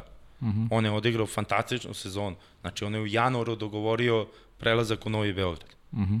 On je srce dao za i radnički, i Kragujevac, i sve, i sve ove naše uspehe. E, aj sad, pošto prelazimo na drugi deo priče, jedno pitanje, ovaj, opet jedno uključenje, pa prelazimo na drugi deo priče. E, prvo da pozdravim vaše goste i sve vaše gledalce i pratioce, pozdrav za, za Pavla, pozdrav za Uroša. Prvo da pitam Uroša na koji na koji način je odlučio da otvori kafić u Kragujevcu, zbog čega, a drugo pitanje je da li može da ispriča neku anegdotu iz Partizana dok smo se ovaj, družili zajedno i pojevali bitke. E, kada me vuče za jezik. Ajde. Ovaj, O, ovo je apropo posljednjeg dela priče, tebe već smatruju Kragujevčinom. Otvorio si kafić, e, pa sam teo da te pitam i do kada planiraš da ostaneš u radničkom i samo se nadovezuje Nikolino pitanje vezano za kafić, a onda idemo i na Partizan. Znači ima, ima dva pitanja da. u, jednoj, u, u dve teme. Jugoslav i ja smo u Kragujevcu, znači, 8 godina. Uh -huh. u, setem, u avgustu, u septembru, što se mene tiče, bit će 8 godina. Definitivno, ja sam ostao tamo. Znači, i posle karijere, i gde god da me karijera bude odvela, definitivno ću ostati, ne u Kragujevcu, u okolini Kragujevca. Mm -hmm, Mislim da treba da se distancira malo. Od, od centra? I od, i od centra, i od dobro, centra. Dobro, Ovaj, ovaj poznati ugostitelj je rađen.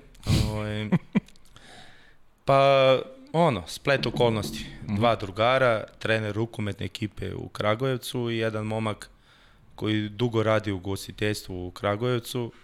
Otvorili smo jedan kafe bar, sportski bar, ne znam ni ja kako da izgovorim, neko mesto gde, gde mi možemo da se okupljamo svakodnevno i da se ponašamo da se ponašamo kako mi želimo. Uh Mhm. -huh. Eto, tako bih rekao. Uh -huh. A ova anegdota iz Partizana, kad te vuče za jezik? Da. Pa mogu sad da pričam, baš Aj, mi briga. priča. Ovaj, Nikola Rađen. da. Siniš. o, stvarno jedan fantastičan momak i ovo što sam pričao za Todorovskog, mislim da, da je Rađen bio za reprezentaciju Srbije. Uh -huh. To nema pogovora. O, on je to, odmah ti kažem, iz ovaj podcast i ja njega zovem kolega i uživam zaista u saradnji sa njim, stvarno jedan, jedan divan momak. Njega svi zovu kolega. On drži klub, trener, Bukvalno. igrač, ugostitelj, ne znam jest, ja šta. Jest, jest. Komentator. Komentator. Ja ga rado zovem kolega i zaista mi je, što se kaže, onako zavoleo sam ga i sve najbolje za Nikolu. Ovaj, pa jako mi je bilo teško tri dana da, izra, da izdržim druženje sa njim svako večer. Uh -huh. Morao sam da spavam... Brzo. Hm? Brzo da spavaš. A ne brzo. Ovaj, nisam ni spavao, nego dok je on trenirao, ja sam spavao. Aha. Da bi mogao da treniram. Sjajno. Uroše, ti si odrastao Jerković. E, kako se dogova počeš da, da treniraš vaterpolo? Ko je, ko je dežurni krivac za, za tvoju odluku? To je taka dezinformacija Dobro. da ja nemam reči. Pa ajde, demantuj me, ja nemam, nemam problem. Verujem da je to došlo sa ovih ovih sa brda. Sa, aha, ovih, sa banjice. A, sa banjice. Dobro. Što nemaju ništa gore na brdu, nego samo se bave tračarenjem i ostalim. Dobro. O, ovaj, odrastao sam na Novom Beogradu. Aha. Dobro. U 23. bloku. Uh -huh. e, to je blok blizu Sava centra, uh Mhm. -huh. dijagonalno od toga, četiri solitera i one zgrade. Osnovna škola sa, sadašnja Laza Kostić i bivša sedam sekretara Skoja, uh Mhm. -huh. koja ima svoj bazen. I kad sam krenuo u školu, tada sam krenuo i u školu plivanja, tu sam naučio da plivam i od toga kasnije je krenulo sve dalje. Otišao sam na 25. maj, uh -huh. to je želja bila mog oca, pošto je odrastao na Dorćolu i nije mogao da se pomeri da mu sin odrasta u blokovima, u betonu i svemu. Uh -huh. posle, novo, e, posle 25. maja, sećam se, tad nije bio Waterpolo klub na 25. maju. Uh -huh. Ni Zvezda, ni Stari grad, ni ženski klubovi, ništa nije postojalo. Postoje samo klub 25. maj, koji pitanje da se i takmiči u nekoj konkurenciji. Uh -huh. um, posle mesec dana trener je bio Neša, rekao je da bolje da ja potražim da napravim korak dalje, uh -huh. da odem negde. Otišao sam na banjicu, naravno, Partizanova škola Waterpola najpoznatija na svetu i to nije uopšte upitno. Otišao sam na banjicu neke, da li bila 91. 92. ne mogu ni da se setim. Sećam se ko juče prvog treninga kod mi, pokojnog Mirka Petrovića. Uh -huh. To stvarno moram da spomenem i pokojnog Mirka Petrovića i Aleksandra Maksimovića i Dejana Dabovića koji je na kraju moje igračke karijere učestvovao. Da. Svi su pokojnici u prošloj godini da. i neverova, stvarno neverovatna jedna stvar. Prvi trening kod njega, onda prebacivanje u neku takmičarsku grupu i sve je to išlo nekim svojim tokom. E, koja je to generacija Uroše Partizana? S kim si delio bazen u to vreme? Ko su ti momci s kojima si ti trenirao kada si, kada si došao tamo?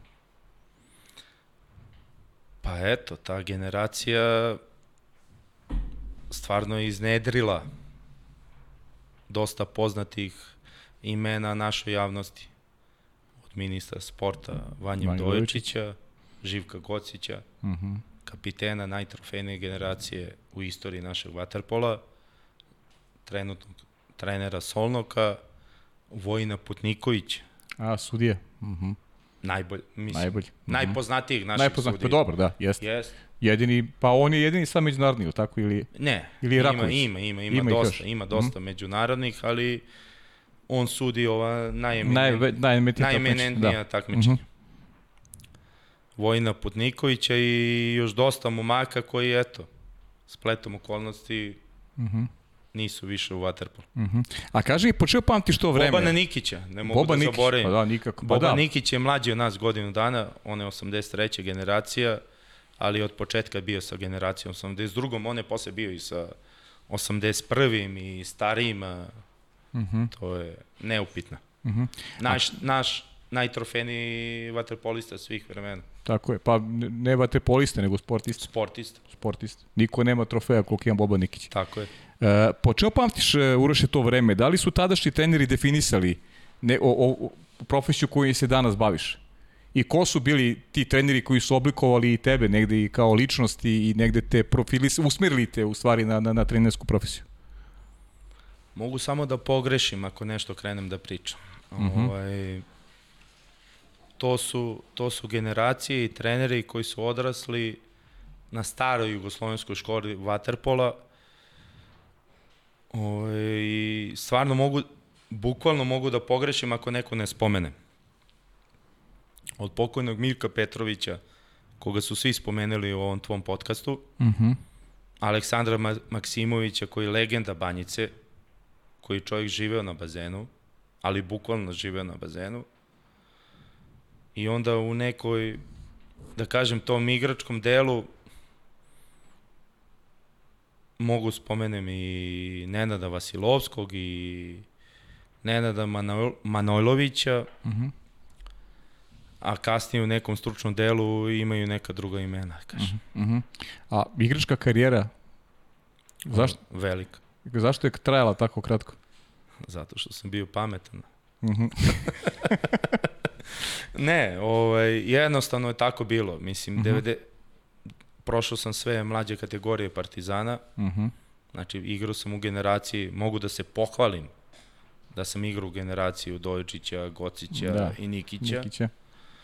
I od početka, da kažem, prve, prvo takmičenje je bilo u Herceg Novom. Skoro smo nešto uspomene vraćali. Ovaj, prvo takmičenje je bilo za generaciju 82. u Herceg Novom. Mhm. 93. godine ili 92. evo, ja još ne znam godinu.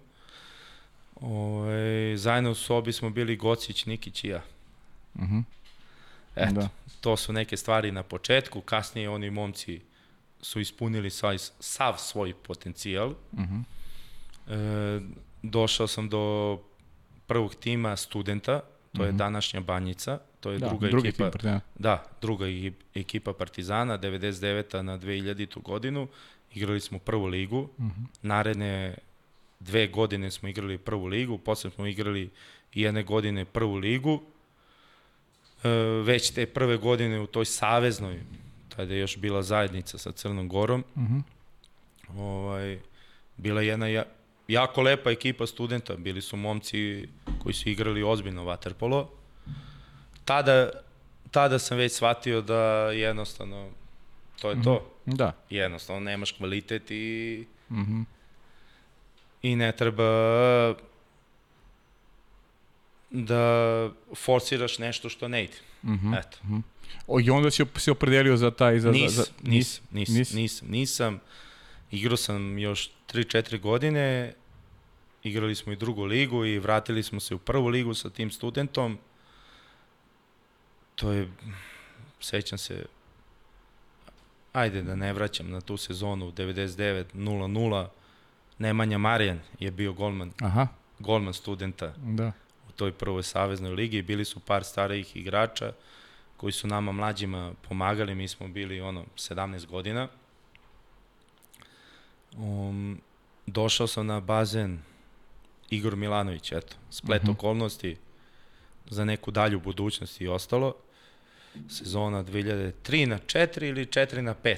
Uh -huh. Mene sećanje baš i ne služi najbolje. Ovaj, došao sam na trening, se, sećam se na tribini sam sedeo, Igor prozivao, preuzima prvi tim studenta posle pokojnog Dejana Dabovića, Uh -huh. već je uzao megafon, krenuo tu da komanduje i kako uh -huh. treba sve da se radi. Uh -huh. Ja sam rekao, nije ovo više za mene, dosta je bilo. Jednostavno, mislim. Da. Ali već te prve sezone, 9-9, 0-0, kada smo igrali Saveznu ligu Jugoslavije, igrali protiv nekog Jadrana, Primorca, Budve, Zvezde, Partizana, znao sam da jednostavno to je to. Uh -huh. Nije to više. Mu, učestvovao sam, bio sam tu, igrao sam, ali Da, da. Ali nema kvalitet za nešto više. bio si svestan toga da, da, da ne možeš da napraviš neku ozbiljniju igračku karijeru. Da. To sam shvatio protiv, sad ću da ti pričam anegdotu. ajde. To sam shvatio u utakmici protiv Jadrana u Herceg Novom. Dobro. Igrali smo protiv Jadrana, mislim Jadran, ono, ekipa šampionska. Uh -huh.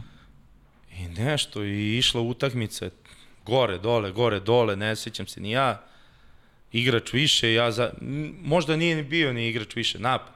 Završio sam u napadu i Jokić na mene, Predrag Jokić, koji u tom trenutku, ono, u potpunom naboju svega. Sećam se da mi uvatio kragnu, da sam razmišljao da ću da preživim, a ne da, da ću da se vratim u odbran. Uh -huh. Tad sam shvatio da jednostavno to više nije za mene. E, a kaži mi onda, izvini, ja malo čitam i neka pitanja ovde. Bolje nema. A im, e, morat ću. Znam šta neću da postavim, to smo se dogovorili. Ovaj, ali, e, trenerska karijera.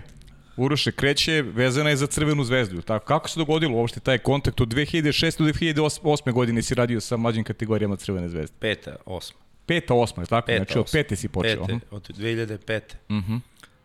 Pa ja se sad ne sećam tačno da li je na Taš Majdanu bio Fina kup ili uh -huh. Svetska liga. Uh -huh. I sreo sam momka koji je generacija sa mnom, Saković Miloš, A, Saković Miloš, trener, trener Nice.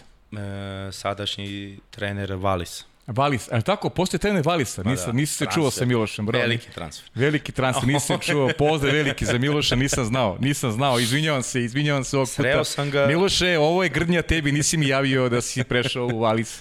Ovaj, sreo sam ga ispred bazena, igralo se na otvorenom bazenu na Taš Majdanu.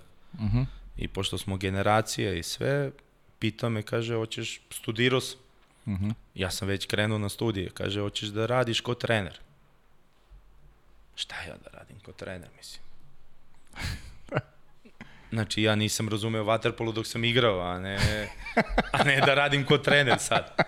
Pa kaže, ajde, ja ću ti pomoći, kaže, ne znam ništa, kaže, ma ja ću ti sve pomognem, dobit ćeš tu generaciju, bit ćeš pod mojim ono, patronatom i, i sve i tako sam krenuo u Crvenoj zvezdi 2005.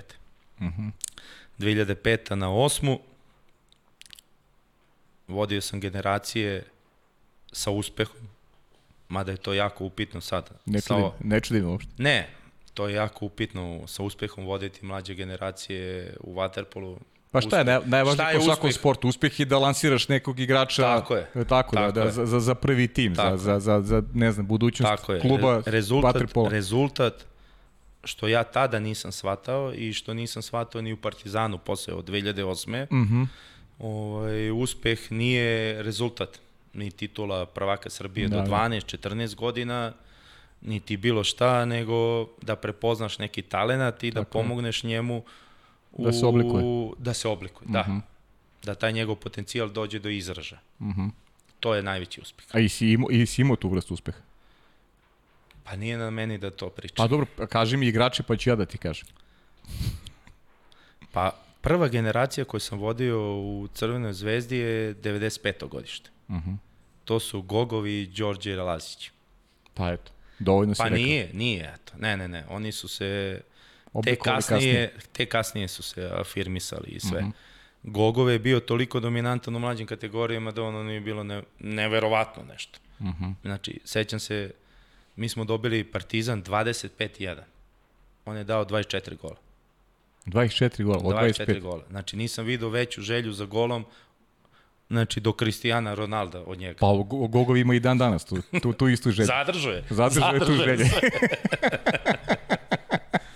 I Đole Lazić koji je stvarno bio bio je u toj generaciji sve, ali ni- nije, pokazivao je talenat za vaterpolo i smisao koji tek sada, ma ni sad nije došao do izražaja. Ni sad on nije blizu potencijala koji može da ispuni. Iako je sa Brešom ostvario uspehe koje je ostvario. Da, ali divan momak, lepo vaspitan i pričali smo i u ovom podcastu, rekao mi je, za mene ima vremena, zove me za dve godine. A nema za njega vremena, to mu je najveća greška. Pa dobro, On ali... je 96. godište, on ima 25 Ne, ne, godina. misli, misli na priču, na, na dolazak i ovde to. i na neku svoju, na neku svoju promociju, kaže Daj da... Bože, Da, pa daj Bože. da, Jer čini, mislim da nije ostvario sav svoj potencijal koji je mogao. ok. E, ajmo sad idemo, prelazimo, prelazimo na taj, na, na, na Partizan i a, radio si u Partizanu i kao prvi i kao pomoćni trener, ti si menjao Sigora Milanovića u, u sezoni kad je Partizan osvojio titulu i ono što je interesantno i to u sezoni kada je tvoj sadašnji direktor se opraštao od uh, od aktivnog bavljanja vaterpolom u, u kapici Crvene zvezde. Ti si kao prvi trener Partizana tada osvojio titulu na, na, na oproštaju Jugoslava Vasović. Pa malo je duža ta priča. Ok, ti si tu da ispričaš. Pa 2008. Crvena zvezda je prestala sam funkcionisati. Uh Mhm. -huh. I ja kao dete Banjici i Partizana dobio sam poziv od Mitrić Nebojše kao naše dete, ajde ti da se vratiš u Partizan. Uh -huh. Ja nisam imao ideju da ću da se bavim time ni kad sam krenuo u Zvezdi, ni kad sam prelazio u Partizan da ću nastaviti time da se bavim. Mita me pozvao, ušao sam u jedan sistem koji je još tada postoje u Partizanu sa Nenadom Manojlovićem, sa Nena, sa Igorom Milanovićem kao trenerom, Nenad, Nenad Vasilovski, uh -huh.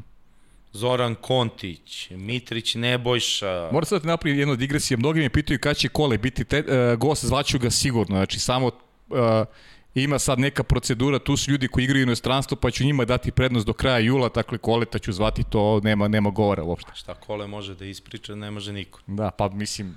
On je stvarno svedok svega, svega ovo, Waterpola u poslednjih 40-50 godina. Da, da, sve, mislim, planiram svašta nešto, ali ajde o tom potom. Zvaću i Ljubo Mečkić ako bude prihvatio, tako da je ono, otvoreno su ode vrata svima koji su u Waterpolu.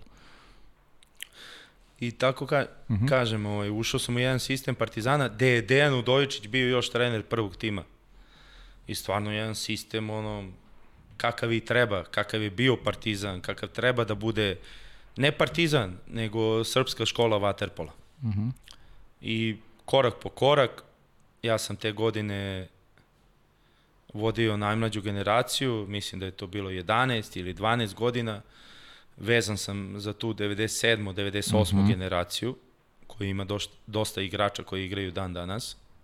E, paralelno sam radio i sa ženskom selekcijom, ali to je već vezano za neki reprezentativni ono, to ćemo malo angažman. Da. Ovaj, napredovao sam iz generacije u generaciju, 10, 11, 12, 14, prošao svu tu školu koju sam trebao mm -hmm. da prođem. Mislim, kao na fakultetu, kao u jasne, školi. Jasne. Razred po, razred po razred. Pa svaki posao kao ja postoji. Tako je, ali ovaj, imao sam prave profesore, prave učitelje, tako da ništa nisam preskočio. I došla je ta 2009. na 10. Igor Milanović, Dejan Udojičić je podnao ostavku uh -huh. na mesto trenera prvog tima Partizana. Igor Milanović postaje trener. Bili su četiri mlađa trenera, braća uh -huh. Ćirić, Zoran Milenković. Nažalost, kao i u nekim drugim sferama života, sve je to nešto bilo karakterisano, je, ova je ova struja, ova je ova struja, Ćirići su bili Udojičići, to je prosto tako bilo. Milenković je bio Manojlović i ja pao sa neba, došao iz zvezde, niči. -huh. I Igor Milanović me zbog toga uzme. Uh -huh. I postanem pomoćni trener Igoru Milanoviću 2009. na 10. Postaješ Milanović. ne postajem Milanović, ali postajem pomoćni trener Milanoviću u sezoni 2009. na 10. Mm -hmm. Hoćeš ti da budeš moj pomoćni trener sa seniorima? Čekaj, stani. Igor Milanović zove. Ne razumem ništa. Ne no. znam gde se nalazim. Mm -hmm. Igor Milanović, petica, ono, svi mašemo i 86. Madrid, yes. Igor Milanović. A u vodi Prlinović, Vujasinović, ja. Hoću. Šta? Ko neće? Hoću. Hoću. Da, da. Pa dobro, tu, tu, to je to je prekretnica. To je mogu neko na tvom mestu kaže i neću, znaš da supaš. Ne može niko da se ne, da supaš. Ne, ne, ne. Misliš da ne može niko ne da kaže možeš neću? da kažeš neću Igoru Milanoviću, Vujasinoviću, Prlinoviću. Jer si onda gotov. Ne, pa ne zanima te to. Da. Onda te to ne zanima. Idi, idi ovaj, šta, beri pečurke, beri maline. Da, da, jasno. jasno. Radi nešto drugo. Jasno, jasno. Najveća imena, mislim, zbog njih si trenirao, u njih si gledao ko uzore i sve. Vidi sebe.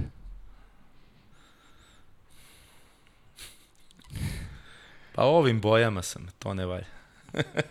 to si ti rekao. to su, evo, to su baš te... Ovo ću ti prosledim ove slike. Ovo inače, je, ovo je inače, 2012. Da, moj, moj dragi, 11. na 12. Moj dragi kolega Andri Čukić, kome se još jednom zahvaljujem, on je taj koji redovno ovako šalje slike ovaj, za ovu emisiju i dugujem mu veliku zahvalnost, kao i uvek, moj dragi prijatelji, jedan od najboljih fotoreportera koje Srbije ima sigurno. Jeste, ovo je stvarno jedna fantastična uspomena za mene. Ovaj... Ovo ću ja ti proslidim, da znaš ove slike je, da imaš u, ovo, u arhivi. Pa i, i nemam, iskreno. Pa da verujem da nemaš, da nema. verujem da nemaš. Igor Milanović je to podneo ostavku stvarno zbog jednih da, privatnih, privatnih razloga, razloga i svega. Da. Ok, da ne pričamo o tome. Ja sam preuzeo, ja sam preuzeo ekipu do kraja sezone u jednoj situaciji gde su svi odlazili, znači uh mhm. -huh. ono slična situacija koja me kasnije čekala u Radničkom. Uh -huh. Osvojili smo titulu na Taš Majdanu proti Crvene zvezde u dve utakmice, mislim. Uh -huh. Uh -huh. Jasno. Oprostio sam od Waterpola ovog direktora. Direktora, posle si u penziju. Pa normalno. Uroši... U njegovim najumiljenijim bojama. Pa, to, to posebno.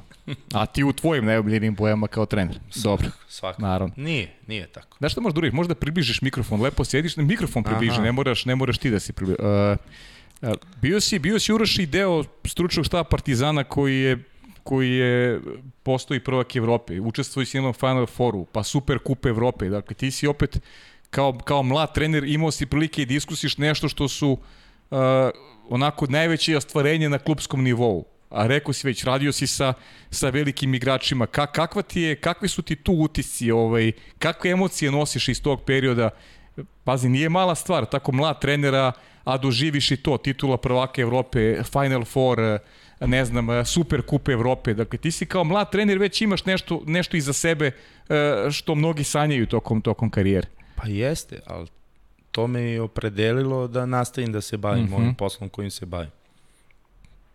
I ne bi bilo ničega sada mm -hmm. da to nije bilo u tom trenutku. Kao što sam rekao, Igor kad me je pozvao u stručni štab seniorske ekipe Partizana te godine 2009. na 10. To je jednostavno bila prekretnica. To mm -hmm. je mhm. to. Imaš smisla, voliš to, Tako je. Što ne bi pokušao da se baviš time?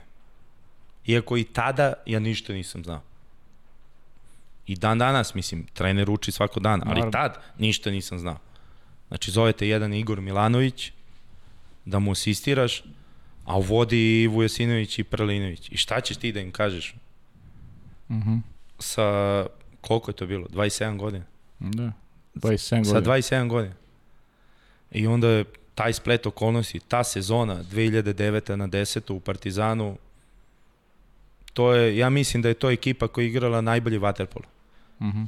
Znači, od 2005. do dana današnjeg, dok radimo u vaterpolu, mislim da je ta ekipa igrala najbolji vaterpolo koji postoji. -hmm. 2000 na, 2009. na 10. na 10. nismo osvojili kup šampiona, Izgubili smo od, posili, od Proreka, od, reka. od Proreka, iako smo vodili 6-4 pred poslednju četvrtinu. Uh -huh. ovaj, mislim da je to ekipa koja je igrala najbolji vaterpolo. Mhm. Timski. Mhm. Fantastično. Fantastično smo izgledali. Znači ja sam posle bio i u ekipi sledeće godine koja su Osvojili. deo stručnog štaba u ekipi koja je osvojila kup šampiona i koja je bila sa ovim momcima šampionima koji su osvojili sve što može da se osvoji. Ta ekipa igrala najbolji vatar. Jako je to finale, godinu dana kasnije sa Rekom bilo nezaboravno. Ja ne znam ko je tako ponizio Reko. Jeste, ali meni je nezaboravno bilo u nekom drugom smislu godinu dana pre toga sa Prorekom. Mhm. Mm da, da. Polufinale. Polufinale. Polufinale. Nije bilo finale. Nije polufinale, da. Polufinale. Te godine je bila Euro Inter Liga sa mađarskim ekipama mm -hmm. i ta Liga šampiona, to što je Partizan igrao od prvog turnira Partizanovih legendi, gde je bio Olimpijakos, Pro Reko, Vašaš, mm -hmm. gde je toliko dominantno bilo Partizan u odnosu na druge ekipe. Meni je, eto, dan danas imam te snimke i odgledam te utakmice. Uh -huh. A kaži mi ovaj, dobro, kada ćeš mi taj super kup Evrope, kakve, kakve tu emocije nosiš, e, kakva je saradnja bila sa, sa Sigurom Milanovićem? Očigledno da je da je uticaj njegov bio i tekako pristan, s obzirom na izbor i da si prošao sa njim e, kroz sve to što je, što je i Partizan ostvario. Igor Milanović, mislim. Dovoljno reći, da. Igor Milanović, jednako Waterpolo, mislim, nema mm -hmm. tu... Mislim da ja nisam kompetentan ni uopšte da pričam o tome, mm -hmm. o Igoru Milanoviću. Opet, e, čovjek me pozvao, proveli smo dve godine, zahvalio mi se na kraju druge godine, mm -hmm. on mi se zahvalio, rekao je da treba da krenem ovaj, nekim svojim putem i ostalo, nažalost, zbog svojih nekih privatnih problema, podneo ostavku i ja sam se vratio u ekipu Partizana, osvojio sam tu titulu da. poslednju, 2011. 11. na 12. 12. Da. 11. na 12. Taj rad sa njim, sa svim tim momcima, pa to je bio prvi susret moj sa Waterpolom, iskreno. Uh Mhm. -huh. Iskreno. Sve ovo pre, mislim da da je bez veze, ovaj, to je bio prvi susret, koliko ja ne znam, koliko toga ima i koliko toga volim uh -huh. u ovom sportu. Uh -huh. I to me opredelilo da nastavim nekim svojim putem u Waterpolu. Uh -huh. e, Uroše, ti si od, od uh, 2007. 2009. radio u ženskom Waterpolu. Bio si pomoćnik selektora seniorske, juniorske reprezentacije, bio si i selektor takođe. Kakva su, kakva tu ovaj, iskustva nosiš? Pa jeste, to je vezano za moj početak. E, u stvari, ajde pre toga da se vratim taj Partizan, znači završavamo Partizan, imao si ponudu, to si mi pričao, nisam ni znao, da si imao ponudu Berklija, mogu si da... A, ne, to je posle. Posle sve. Aj, aj onda pričamo o ženskom vaterpolu. To je posle svega. Pričamo o ženskom vaterpolu, ajde. Ženski vaterpolo je bio još u Zvezdi dok sam bio. Uh -huh.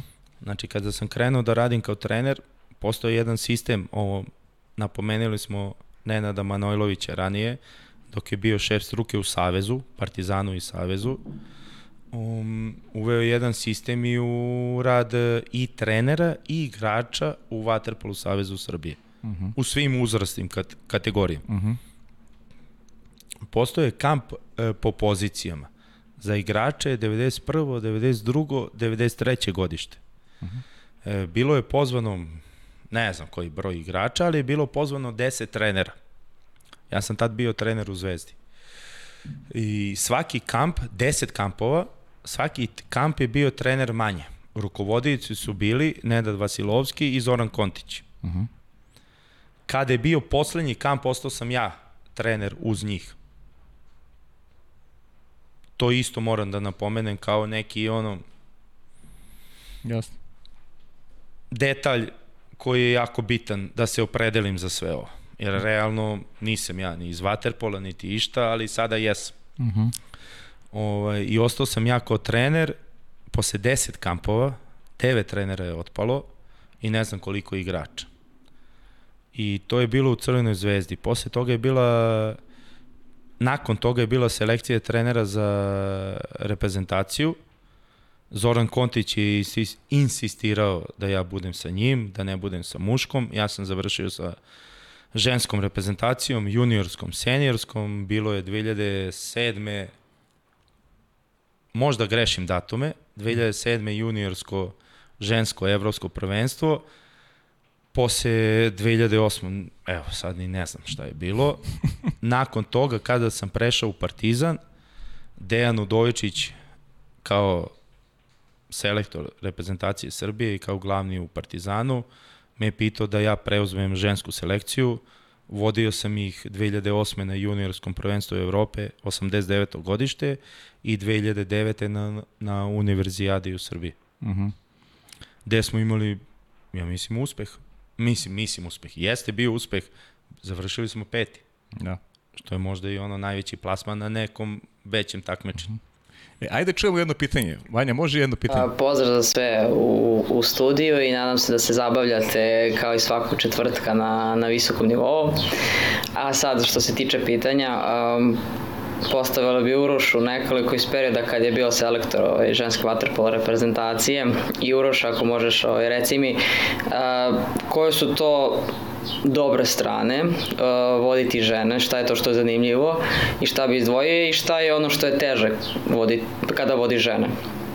Jedno pitanje, drugo pitanje, da ispričaš neke svoje utiske u univerzijadi u Beogradu i o evropskom prvenstvu u Italiji kada se vidi selektor do, do 20 godina ženskoj reprezentaciji.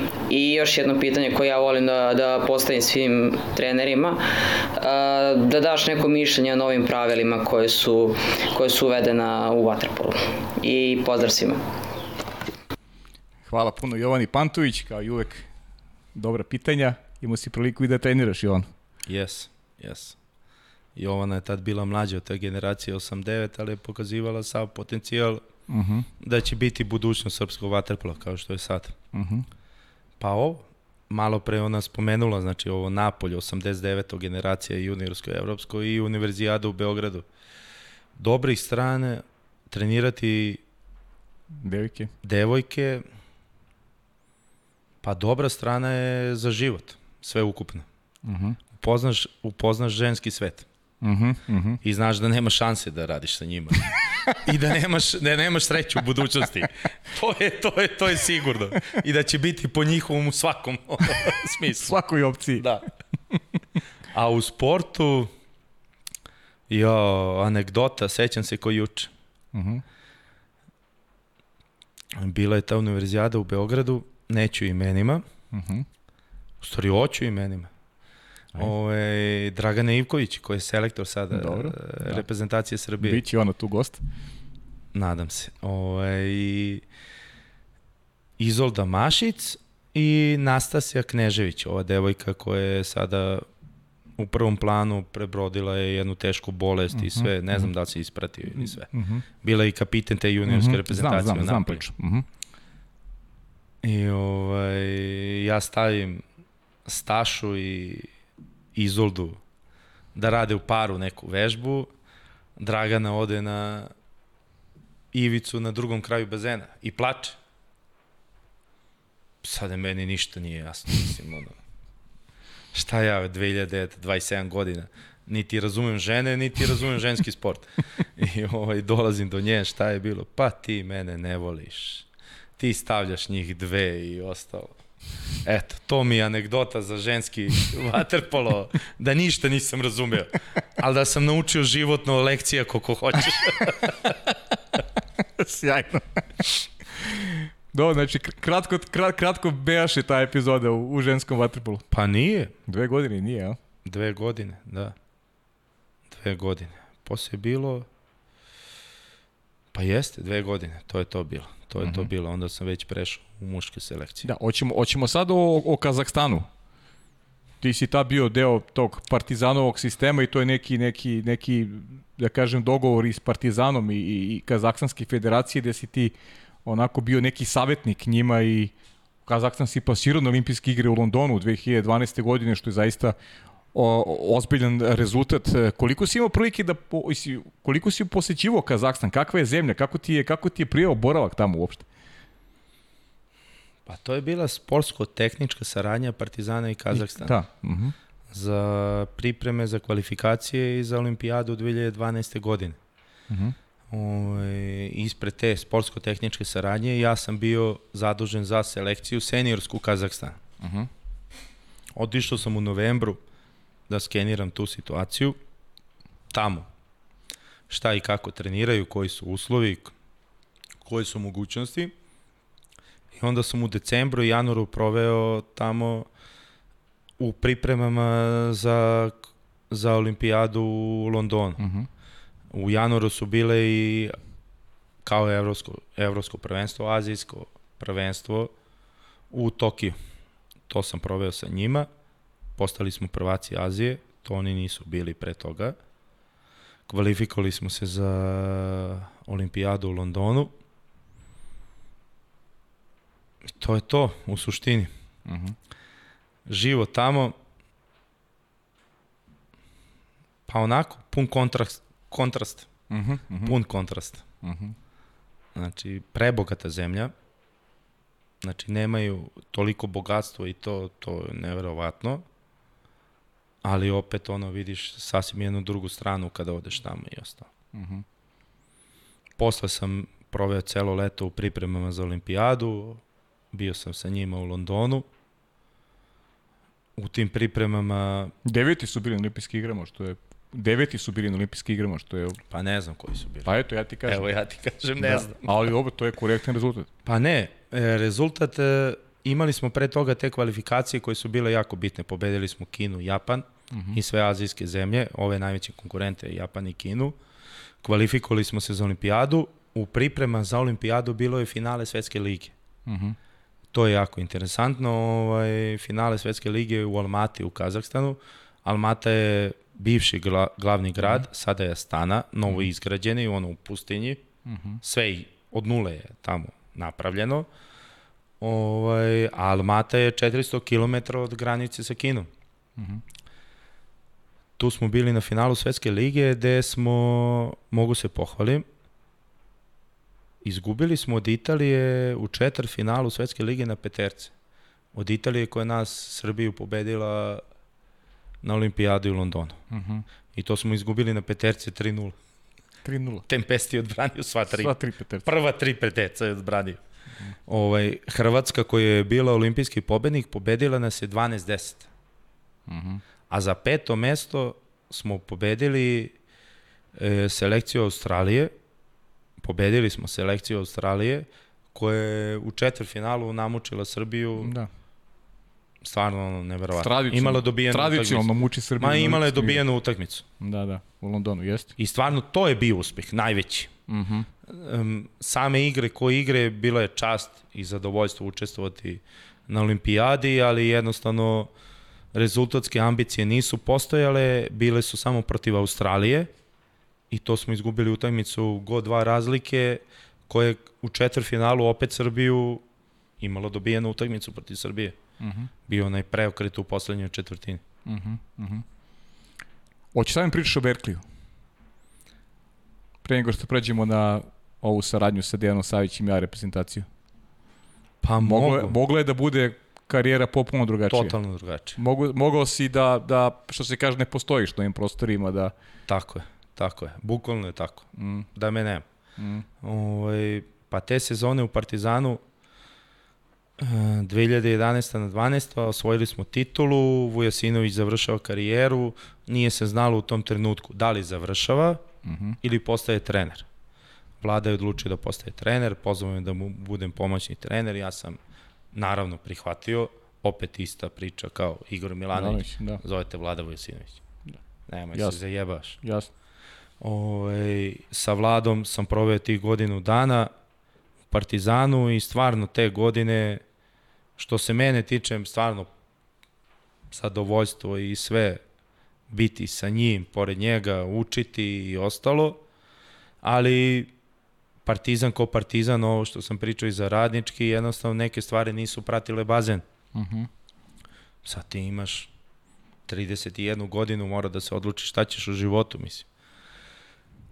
Imao sam ponudu imao sam ponudu Berklija i ono to je išlo isto preko naših igrača, znači godinu dana pre toga su igrači u Partizanu bili Luka Šaponjić i Ivan Racko, uh Mhm. -huh. momci koji su završili Berkeley. Uh -huh.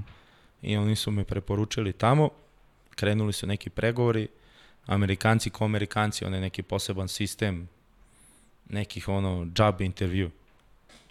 Zovete trener, zovete sportski psiholog, zovete direktor, zovete kapiten, zovete trener za teretanu. Sve sam ja to prošao. Došao je prvi trener Berkeley u Beograd da provede tri dana sa mnom, da me upozna, da vidi da li mu ja odgovaram, da li možemo da, da funkcionišemo uopšte. I ovaj, sve sam ja to zadovoljio, neku perspektivu drugu nisam video, jednostavno da je on na kraju rekao to je to, ja sam otišao tamo. Jednostavno ono, nije igra sudbine, sudbina je takva bila da da neki ljudi tamo u Berkliju opredelili su se za drugog čoveka u tom nekom sistemu da im treba, inače sam ja sve prošao. Uh -huh. ovaj, uzeli su njega, ja sam u tom trenutku dobio drugu ponudu radničkog, prve godine nisam otišao, druge godine sam prihvatio, prešao sam u radnički i sve ostalo je, eto. Ostalo smo ispričali. Da, da. ili nismo. Ili nismo, pa dobro, mislim da većinu stvari jesmo. E, ajmo da, da zaokružimo još dve, još dve ovaj, teme pre nego što moramo da damo prostor i, i, i gledalcima. Ti si od 2014. do 2018. godine bio pomoćnik Dijana Savića u, u reprezentaciji Srbije. E, Rio, zlato na svetskom, dva evropska zlata, svetske lige. E, sedeo je tu Ćira prošle nedelje. Neću ti pitam sad da prepričavamo šta sve dešavalo, već me onako zanima da mi malo kažeš neka tvoja zaduženja u, u, u, u tom delu rada sa Dekijem, kako je bila sa, sa njim saradnja igračima i da li pamtiš nešto specifično iz, eto, iz, iz, te, iz te četiri godine. Verujem da je onako Rio upečatljiv, ali verujem da ti teško se prisjetiš nekih, nekih zanimljivih detalja. I nije. I nije, a? Stvarno, te 14. 15. 16. to su godine ono koje su mi u, ovaj, napravile teme za sve ovo dalje. Uh -huh. Znači, Partizan, titula prvaka Evrope 2011. rad sa svim tim momcima, ovo posle je bila samo nadogradnja, uh -huh. jer su neki od njih već otišli iz Partizana koji je bio okosnica svega. Uh -huh. um, man, neverovatno iskustvo, mislim, opet kažem, toga ne bi bilo da nije bilo poziva vlade, rada sa vladom u Partizanu, da me vlada preporučio sigurno Dejanu, uh -huh. Dejan preuzeo A selekciju, posle te 13. i prve godine odlučio za neke promene, pozvao je mene, čekaj, stani, posle Igora Milanovića, Vlada Vujasinović, Deki Savić. Najbolja moguća škola, mislim. Da. Legende te zovu. N neopisivo, mislim. Uh -huh. Ljudi koji su, ono, jednako sa vaterpolom. Jasno. Žive taj život. Ne što znaju, nego što žive taj život, vaterpolo. Mm. Žive vaterpolo svaki dan, ljudi. I oni su se pripremili za taj trenerski posao kroz svoju karijeru. Sad kad sam ih upoznao, kada sam pričao sa njim i sve, mm. oni su bili spremni za sve to što, što sleduje. Ovaj, Dejan me zove, stvarno, tri godine, ludila. Šta da. mogu da kažem, mislim. Sve, nije tri, bila je četvrta 2017. 17, da. Tri godine uspe, najuspešnije u istoriji srpskog vaterpola. Uh -huh. Sve zlate medalje, sva takmiče. Svetske lige, ovo sve što si ti rekao. -huh. I svaka ono za sebe, mislim, Stefan i svi su pričali o kazanju. Ja moram da pričam o Budimpešti 14. gde smo mi bili, Stefan je spomenuo to otpisani. Igrali smo A, sa Španijom. Se, to je i Ćuk rekao isto. Igrali smo sa Španijom i Ćuk i Stefan nisu rekli. Ćuk je dao gol za 8-6. Uh -huh. Na 7-6 gde ne znamo da li će da bude ovako ili onako. Ćuk je dao sa spolja go za 8-6 gde smo mi otišli u četvrfinale i posle svega toga istorija. Mislim, polufinale sa Crnogorom 5-1, 9-5 za Crnogoru gde ti okrećeš. I pobeda nad Mađarskom ono što sam gledao na televiziji koje to godine bilo, 2001. kada smo dobili... Kad smo A, bili. u, u Budimpeš, da, da. Je tako? Jeste, 2001. godine. 2001. Da. Znam i gde sam bio, seća se dobro te utakmice. Dobro. Bio sam u Herceg Novom tad. Dobro da znaš. Da, da, sećam se. Marko Radojković ne zna, ja mislim. A dobro, ovaj, on, on mnogo toga ne zna. Ovaj, 2001. Znači, gledaš na televiziji pune tribine, Marget Siget, jedna ono institucija, istorija Waterpola i 2014. ti osvajaš prvenstvo Evrope na tom istom bazenu gde na kraju stvarno aplauz dobijaš celih tribina. Da, da. Meni je to bilo ono pa to je utisak bilo... neverovatan. Da. Pa i od tada je krenulo sve uzbrzo. Pa sve je krenulo posle da. toga i 15. Kazanj, svetsko prvenstvo i 16. Rio. Beograd, Beograd, Beograd prvo pa u januaru, Beograd evropsko prvenstvo i posle Rio. Kakav ti utisak ono olimpijske igre? Kako ti pamtiš ove olimpijske igre ono generalno iz iz perspektive tih susreta sa drugim sportistima, ne samo taj tvoj uloga koji si ti obolju u reprezentaciji, analize, sati i sati provedeni uz, uz ne znam, uz, uz kompjuter i to. Uh, si imao potrudu poznaš nekog i si... Kakav ti doživlje onako, on, onako bi? Pa ja sam to prošao u Londonu. Aha, sa, sa Kazahstanom, bravo. Da. Turistički. Da. Turistički, da. Turistički. Gde sam teo da vidim... Imao si priliku s direktorno da se družiš u Londonu. I Peru, i Žiku, i Miku, i Lazu, i Jugoslav. I Jugoslav, da. to sam prošao u Londonu. A ovo u Riju je bilo stvarno samo jedan cilj. Svi smo podređeni tom cilju i uh mhm. -huh. kraj. Mislim, anegdota je za to da ja nisam video Rio. Da. 21 dan smo proveli tamo. Znači ide, svaki drugi dan idu utakmice, ti sve gledaš, -hmm. posle gledaš snimke, pa pre, spremaš treninge i kada se sve završilo, kad smo imali, znači posle finala smo imali ceo jedan dan do uveče kada smo kretali nazad. I mi smo planirali, mislim, Čira i ja, i Žar, Da. Planirali smo da odemo da vidimo Rio, mislim, sad smo u Brazilu, ko zna, ko da, će, kad? da. ko zna da će život da te odvede tamo. Mi nismo izašli iz sela. Uh mhm. -huh. I ko da idemo, takva oluja koja nije bila sve vreme olimpijskih igara. I kiša, i vetar, i sve. I mi smo ostali u selu i to je to. Da. Eto. Ali utisak je zlato i nema tu šta da se priča. Ima anegdota, ima svega. Pričao je Miloš, pričao je Stefan. Ja bih samo nadovezao jednu. Uh mhm. -huh. Ovo, ima to poslednje kolo u grupi. Ovaj, poslednje kolo u grupi gde smo mi završili posao i umesto kako su svi očekivali da završimo prvi, završili smo četvrti. Uh -huh. I sad u drugoj grupi igraju se utakmice, treba neko završi prvi. Španija, Crna Gora, X. Nerešeno. Da ostanu u rasporedu u kojem su ostali. Španija je prva, Crna Gora druga. Italija gubi od Amerike. Hrvatska gubi od Francuske.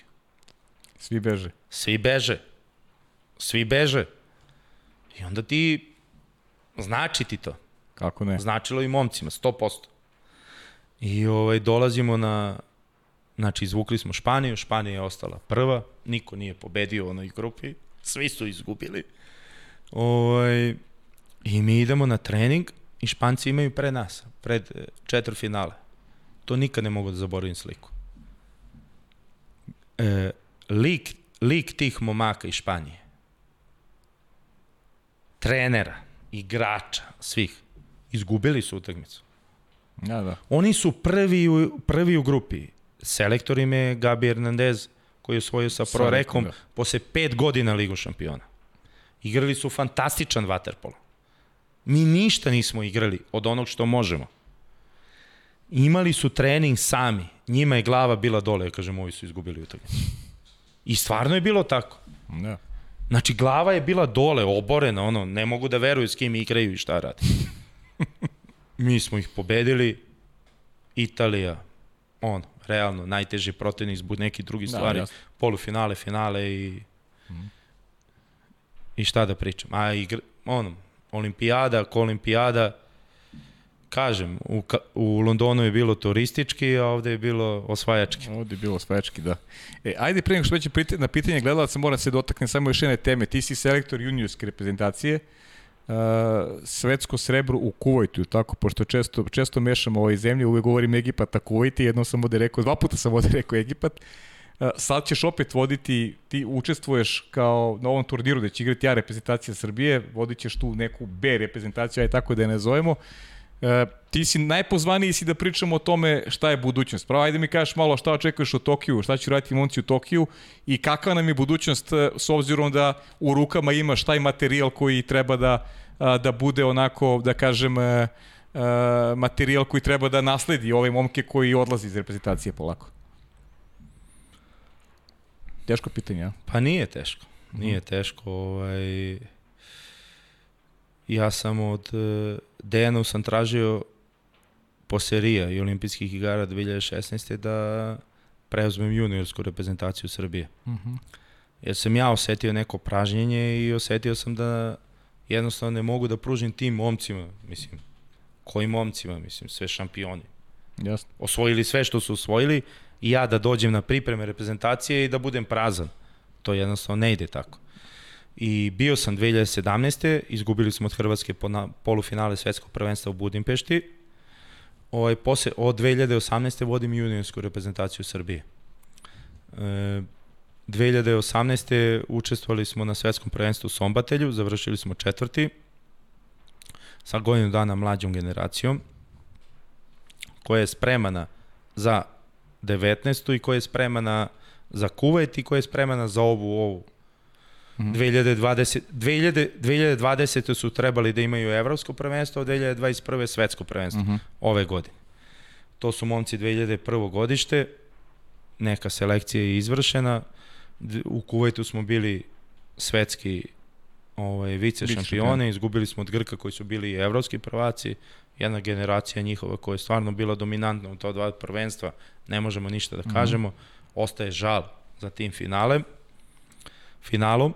Ovaj, ove godine nas očekuje, nažalost, nije se igralo u prošle godine Evropsko prvenstvo, ove godine se igra svetsko i sigurno imamo najveće ambicije, jer sedam igrača koji su bili u Kuvajtu za dve godine stariji, starije godište, sada će igrati mm -hmm. na svetskom prvenstvu. Dobro, ok, znači to je to. Tokio. E, Tokio, bravo, Tokio sem zlata, znam da tim momcima ne znači ništa drugo, a? Ništa neće biti satisfakcija i to je kraj priče, svaki. Držimo im figi da, da tako bude. Aj sad da pređemo, da budemo koncizni, imam pitanja, e, da budemo koncizni, e, najbolji stranac i najbolji domaći igrač koga si trenirao? Ako hoćeš da se izjasniš. Najbolji stranac? I da, i najbolji domaći igrač koga si trenirao. Pa dobro, to... Najbolji stranac sigurno Zloković. Uh mhm. -huh. Najbolji igrač koga sam trenirao. Uh mhm. -huh. A s druge strane Damir Burić, jedan fantastičan profesionalac. Uh mhm. -huh. Domaći igrač, uh -huh. trenirao sam sve ove naše momke i svih 13 su stvarno najbolji. Uh -huh. Nema izdvajanja zato su i osvojili sve što su osvojili i zato su to što jesu. Uh -huh. e, najbolji trener i trener koji ima najveći utjecaj na tebe? Naj, e, najveći utjecaj na mene sigurno i najbolji trener je Dejan Savić. Uh -huh. To nema greške, mislim, on treba da još nije pružio sve što je mogao da pruži uh -huh. našem Waterpolu i nadam se da će ostati ne 24. nego i 28. E, da li je ovo letovanje bilo tvoje četvrto letovanje u 2005. godine? Možda peto. Možda peto, a? Možda peto, jer stalno je bilo iz klubske sezone i u reprezentativnu i to ljudi ne mogu da shvate, mislim. Uh mhm. -huh. to, je, to je to, hoćeš ili nećeš, mislim, posao. Uh mhm. -huh. I kako se završi klubska sezona, ideš u reprezentativnu, odmor ne postoji i to je tako bilo. Uh mhm. -huh. Možda je peto bilo, nisam siguran. Uh -huh. e, Zašto si se slikao sa Čolom Simeonom? Zato što smo obojice izgubili finale Lige šampiona 2013. godine i zato što smo obojice osvojili titulu prvaka Španije i Srbije 2021. godine.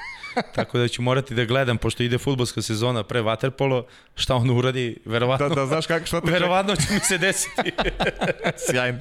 Slikali smo se u Madridu na svetskoj ligi. Aha. Sreli smo se. Uh -huh. Miloš Adojević, Da li ima neki nadimak i zašto baš taj?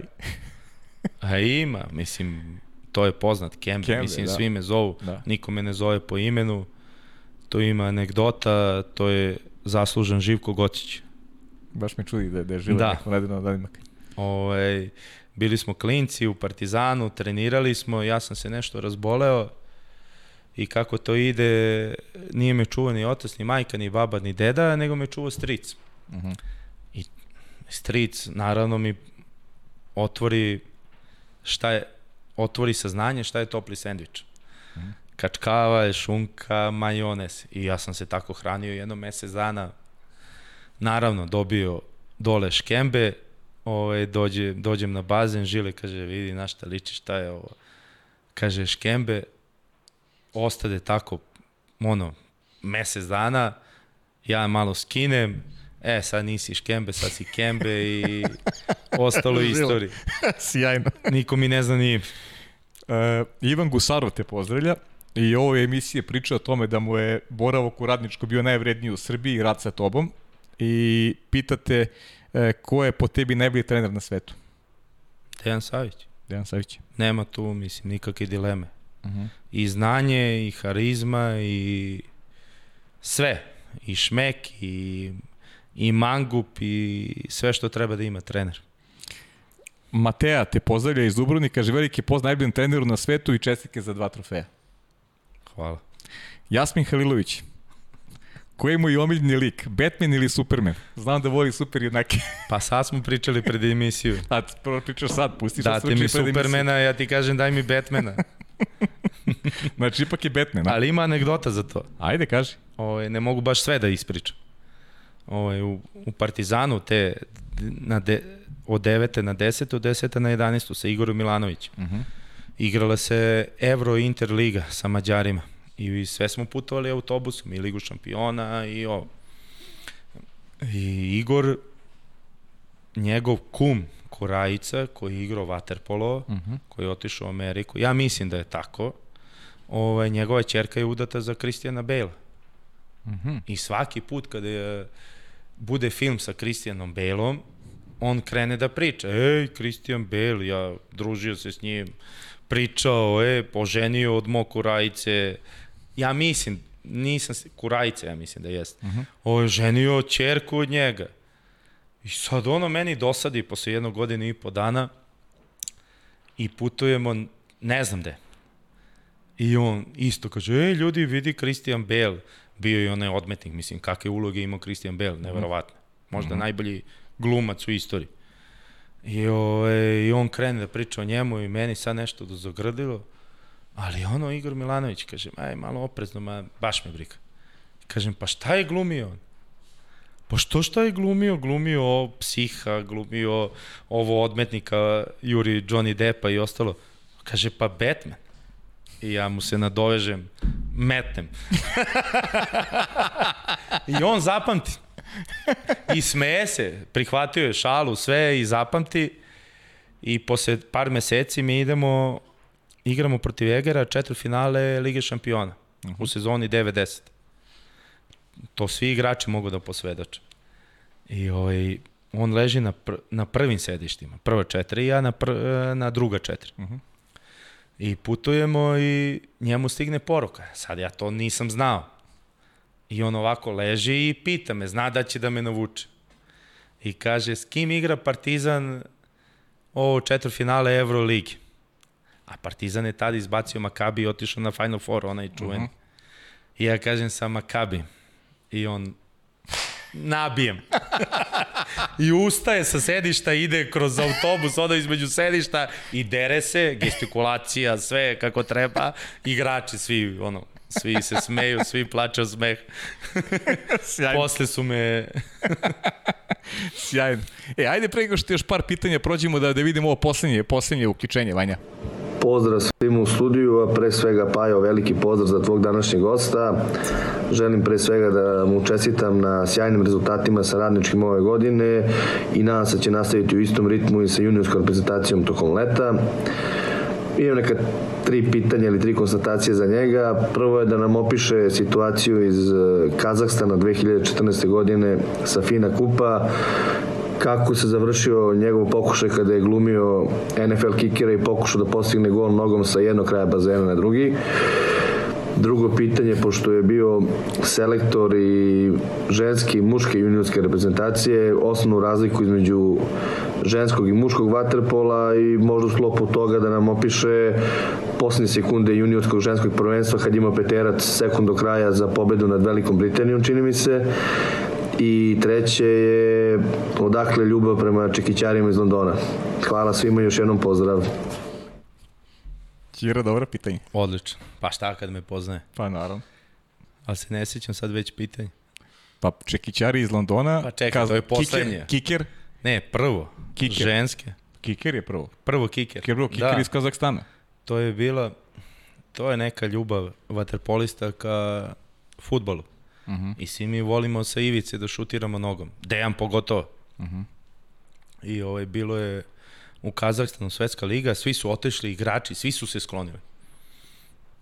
Pobedničko postalje i ispred je reklama velika Manštajn, uh -huh. gumena. Ja sa tog pobedničkog postavlja da šutnem na onaj go preko puta nogom. To nam je uvek bilo kao, nogom si dao go, kao bravo. I ja šutnem nogom i padnem na reklamu Ja. koja je na, baz, na vodi, u bazenu, i stojimo ovako četvoronoške. Ali ta, ta reklama je otišla negde u sredinu. Odvojila se od, od sve tri ivice koje je mogla da diruje. I Stefan, Stefan i Žare, svi se smeju prvo. Ja stojim ovako četvoronoške, ne smem se pomerim. Jer ako se pomerim, ja sam skliznu i upao sam u bazen obučen. I oni vuku, vuku, zategnu i vuku tu gumenu reklamu da ja mogu da izađem na ivicu. Sjajno. A to ima isto i priča sa priprema za Rio 2016. u Kranju. Gost je bio Dejan Stanković.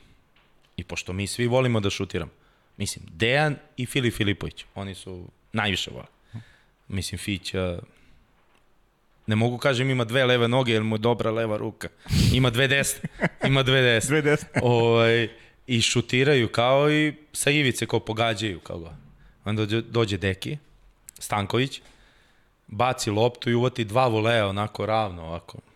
Pravo go. Niko više nije šutirao nikad. Šta da se takmičimo? Jeste. Koje su još? Pa drugo je za to, ta, taj utakmice ženske sa Jeste, pa, da. peterac u imali smo, sekundi. imali smo odlučujući peterac za nerešeno, za nerešeno ili za pobedu, ne mogu da se setim sad. I ovaj, ja sam rekao Ani Prici. Uh Mhm. -huh. Do skora je, do ove sezone je igrala za Vojvodinu. I ovaj, kažem, šutiraš peterac, a ona pliva prsno ovako ka meni, ka sredini, a, i klima glavom, ne, ne, ne, ne. Neće da šutira. Ma ne, pa ne padaju na pamet. I šta bi s petercem ništa? Pogodili smo. Jeste, a? Jeste i pobedili smo na peterce, sedmi smo završili. Aha, Evo, pamtim to. da. I šta beš treće pitanje? Čekićari, bravo. Pa dobro. West Ham, da. Otkud ta ljubav prema West Hamu, stvarno? Pa posle Ajaxa najbolja škola futbala na svetu.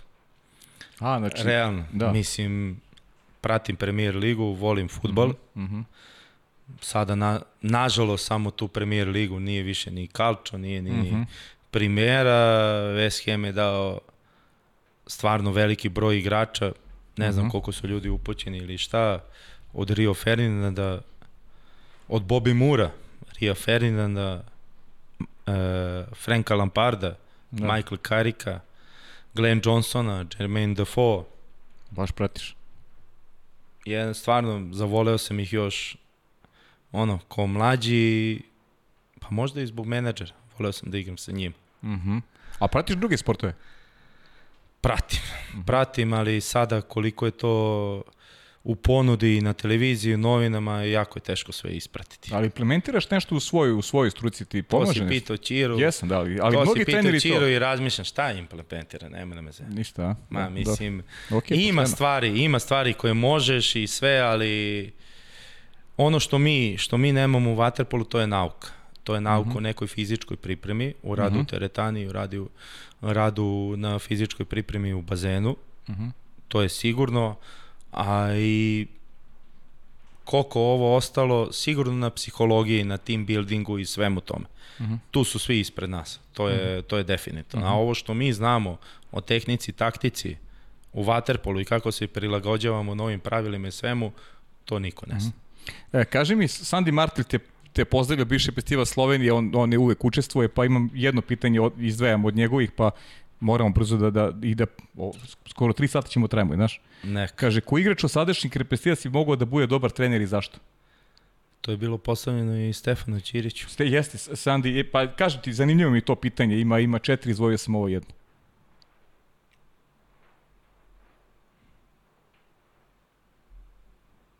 Sava Ranđelović ili Branislav Mitrović. Uh mhm. -huh. Ako budu imali želju. Ovi ostali, mislim, ili nemaju želju ili ovo. Znanje imaju sigurno. Uh -huh. Ajmo sad brzinski, e, naše kolege, to jest moje kolege iz Kragovi sporta, hvala puno na saradnji i rekao sam uvek kad neko gostuje iz Radničko iz Kragovec, uvek ćemo da pravimo ovu saradnju. E, javljali su se gledalci njihov sajt, pa evo da izdvojim par pitanja s njihovog sajta. Kaže, koji uspeh e, bi mu bio draži zlatno olimpijskim igrama sa reprezentacijom ili trofej Lige šampiona sa Radničkim? Kome? Meni lično? Tebi, tebi lično, pa da. Jedno i drugo. Jedno i drugo. Da li kaže... To napo... su dva cilja koje su predano. Da. Da li napadamo Ligu šampiona? Pitanje. Uvek. E, koliko je ekipi značila podrška navijača u posljednjoj utakmici? Sigurno. Znači, uh -huh. druga utakmica finala play-offa protiv Novog Beograda, pune tribine na Novom Beogradu i u Kragovecu, u Majstoricu. Uh -huh. Pa za to se, za to se trenira. Uh -huh. za to, zbog toga se baviš sportom. Uh -huh. e, koga vidi kao najboljeg stranca u istoriji radničkog? Pa definitivno Vrlić sa ovim svojim povratkom. Uh -huh. To je momak koji je uz Duška Petrovića najbolji centar na svetu uh -huh. u poslednjih 10 godina, tako da s ovim njegovim povratkom i pristankom da nama pomogne u, ovim, u ovoj sledećoj godini i dalje, definitivno on. Da li Srpska liga postaje najbolja na svetu naredne sezone kada se pogleda ko se sve vraća domaći vaterpol? Sigurno. Sigurno, uz Novi Beograd koji je napravio taj Dream Team i hoće da konkuriše pro reku, radnički Zvezda, Partizan, tim redom, uh -huh. pogotovo sigurno prave ligu uz Šabac i Vojvodinu koji prave ozbiljne timove, prave jednu stvarno kvalitetnu ligu. E, koliko sati je potrebno da se trenira u, uh, u vodi na suvom da bi se postavilo nešto više? 8. 8 sati. Kakve su šanse juniorske prestacije Srbije na ovogodišnjem prvenstvu sveta, ako ga bude bilo, to si rekao da je, da je cilj i tako da se napadne svetsko zlato? Naše ambicije i, i klubova i reprezentacije uvek su najviše. Jednostavno, koje su mogućnosti, to je drugo, ali mm. ambicije su uvek najveće. Mm -hmm. I posljednje pitanje, kažu, posebno zanimljivo, pošto ga je postavio Darko Milisavljev iz Večka, bivši šef stručnog štaba futbolskog kluba Radnički, 1923, a pitanje glasi, kada ćeš promeniti adresu i mesto boravka? Nikad. Nikad. Dobro. Nikad. Ne, ne može da mi piše KG na tablicama, mora BG. I na kolima i na motoru. I, I na, u ličnoj karti. I u ličnoj karti. dobro, dobro. E sad ovako. Aleksandar Milošević, moja draga Aleksandra, kaže, da li je tačno da se vremeno upisao matematički fakultet, ali da je napustio studije zbog vaterpola? Zašto matematički fakultet? Bože mile. A, pa kako pitanje. Neverovatno. Yes. Znači, uh mhm. -huh. posle sportske gimnazije u Beogradu, ovaj, uvek sam bio dobalj. Dobalj. Dobar. Dobar, da. Dobar iz ovih prirodnih nauka. Upisao sam matematič, matematički fakultet, dao sam i uslov za drugu godinu. Znam i koje dva ispita. Uh mhm. -huh. e, ali tada sam odlučio i da nije, da nije nauka za mene, jednostavno ja sam na pauzi između predavanja čitao žurnal dok su drugi rešavali zadatke i ostalo. Uh mhm. -huh. Pa sam se prebacio na ono što me više zanima. Uh mhm. -huh. e, zanimao te sport, trenerski posao, diplomirao si, Aleksandra, diplomirao si 2014. godine na temu metodika obuke napada sa igračem više mlađim uzrastnim kategorijama u Waterpolu koliko igrač više važna i velika prednost i kakvi, kakvi sve postupci postoji u obuci mladih igrača? Postupci postoje razni. Uh mhm. -huh. Tačno da si novu Pa nisam temu. znao da je 2014. A, eto, vidiš. Ne, postoji diplomski rad, Uh -huh. postoji diplomski rad, sigurno je tako. Nisam ni znao da je 2014. Uh -huh. Ovaj, ja sam posle matematičkog upisao i višu elektrotehničku i došao sam skoro do kraja i onda kada me je pozvao ovo malo pre što sam uh Mhm. -huh. pričao Milo Saković da radim kao trener, upisao sam i DIF Uh -huh. i tako sam završio. A igrač više, Manje. e, pa da, koliko je onako važna i velika prednost, ajde da malo Kako ne? pričamo Ma ne, o tim kako ne? Mislim, finesama. sta, statistički gleda, gledano posle Mhm. ove sezone, evo, skoro sam sa mojim pomoćnim trenerom izvukao statistiku, mislim, statistika kao bikini. Je tako, a? ne, ali stvarno, ovaj, kad god smo imali igrač, igrač manje u procentima preko 60%, igrač više preko 50%, mi smo te utakmice dobijali. E, kako si se osjećao kad, kada si dobio nagradu za najboljeg trenera grada Kragujevac u protekli godini? Pa ponosno u svakom slučaju. Ovaj, ja sam 8 godina već u Kragujevcu od 2013. godine, ali opet to nije priznanje samo meni, nego svim ljudima u klubu. Kao što smo spominjali ranije, pogotovo da. onima koji su ostali uz klub, Uh -huh. uz klub u onim godinama kada nije postojao ili su postojale naznake da će da raste. Uh -huh, uh -huh. Dao si jednu divnu izjavu, to smo malo i se dotakli, ali, ali ajde da uh, upis novih članova vredi više od pehara i zlata. Jest. To je jest. 50 novih dečaka posle regionalne lige. Ma to je jako prosto, mislim da to je naša budućnost. Ako toga ne bude, neće biti ni klub. Džaba uspesi, džaba sve, rezultati i ostalo, ako deca ne upisuju sport. Mislim, to je sad jedna druga problematika Uh -huh. ispričana i kod tebe u emisiji. Dobro, okej, okay, ali nije zgoro i da se ponovi. Ali jednostavno mi ne dobijemo decu tako rano, Uh -huh. u onom uzra, uzrasnoj kategoriji u kojoj mi želimo, da bi ih razvili na pravi način i svako dete koje dođe na naš sport je najveći uspeh. E, kako stoji kako stoji upis e, devojčica ovaj i to Aleksandrino pitanje da li je i kod njih izazvao onako veći odziv a, taj rezultat koji radnički napravio koji radnički napravio Jeste, jeste, -hmm. svakako. Ovo Nemate još za ekipu, to je pričao Nikola, ne može da se napravi ekipa, ali ali devojčice se javljaju. Brojčano može da se napravi. Brojčano ekipa, može. Mhm. Ali uzrasno ne može. Mhm. Ne pokrivamo sve mlađe, ne sve ove mlađe uzrast, uzrasne kategorije, ali opet taj uspeh u regionalnoj ligi, ovo što si ti rekao, stvarno je izazvao odjek koji je neverovatan i u upisu tih dečaka koji nikad se više nije dečaka upisalo. Mhm. Ni 2012. kad je klub osnovan. Da. I ovaj broj devojčica koji je sad 20-ak, ja mislim. Pa do, to je lepa brojka Pa za. lepa, za početak, mislim. Jeste. E, Aleksandro, kako je sarađivati s Jugoslavom i kako vidi radnički za 5 godina?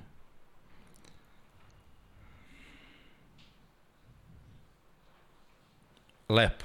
Mm Stvarno prelepo.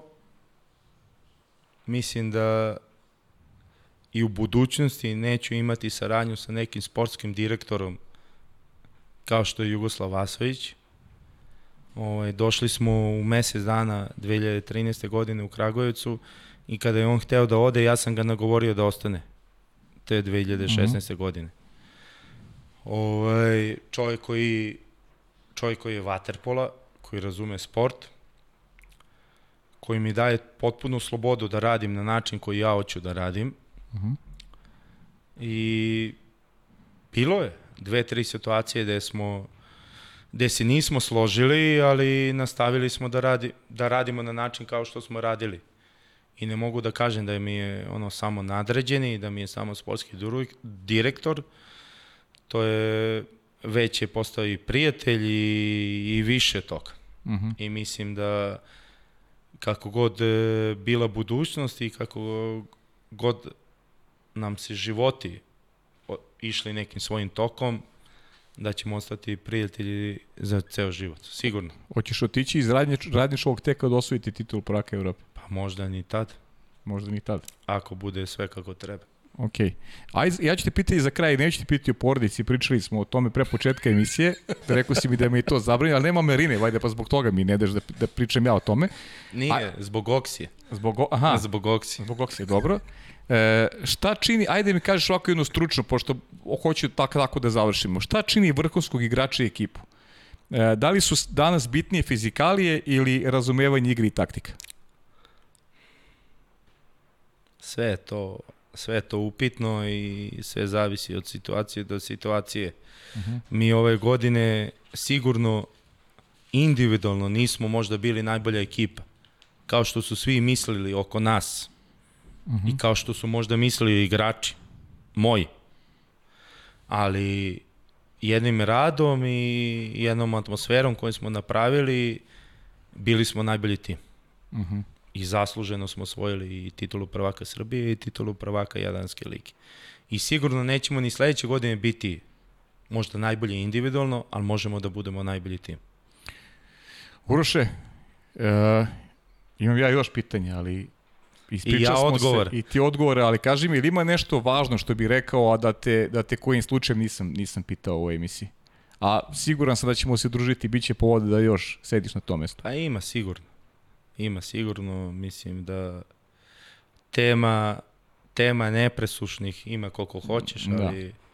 bit će prilike, Bože zdravlje. Biće prilike, u to sam siguran i Ovaj, hvala ti puno što si, što si odvojio vreme. Ovaj, ti si jedan od onih koje sam treba malo duže da nagovaram da sedneš u tu stolicu i hvala ti što si mi učinio plezir i hvala ti na ovom, ovom divnom vremenu koje smo proveli pričajući i ja bih zaista mogao još mnogo, ali ajde da, da, da ljudima prosto omogućimo da odgleda ovu emisiju, a bit će prilike i hahaj da se, ovaj, da se dopričamo što se kaže.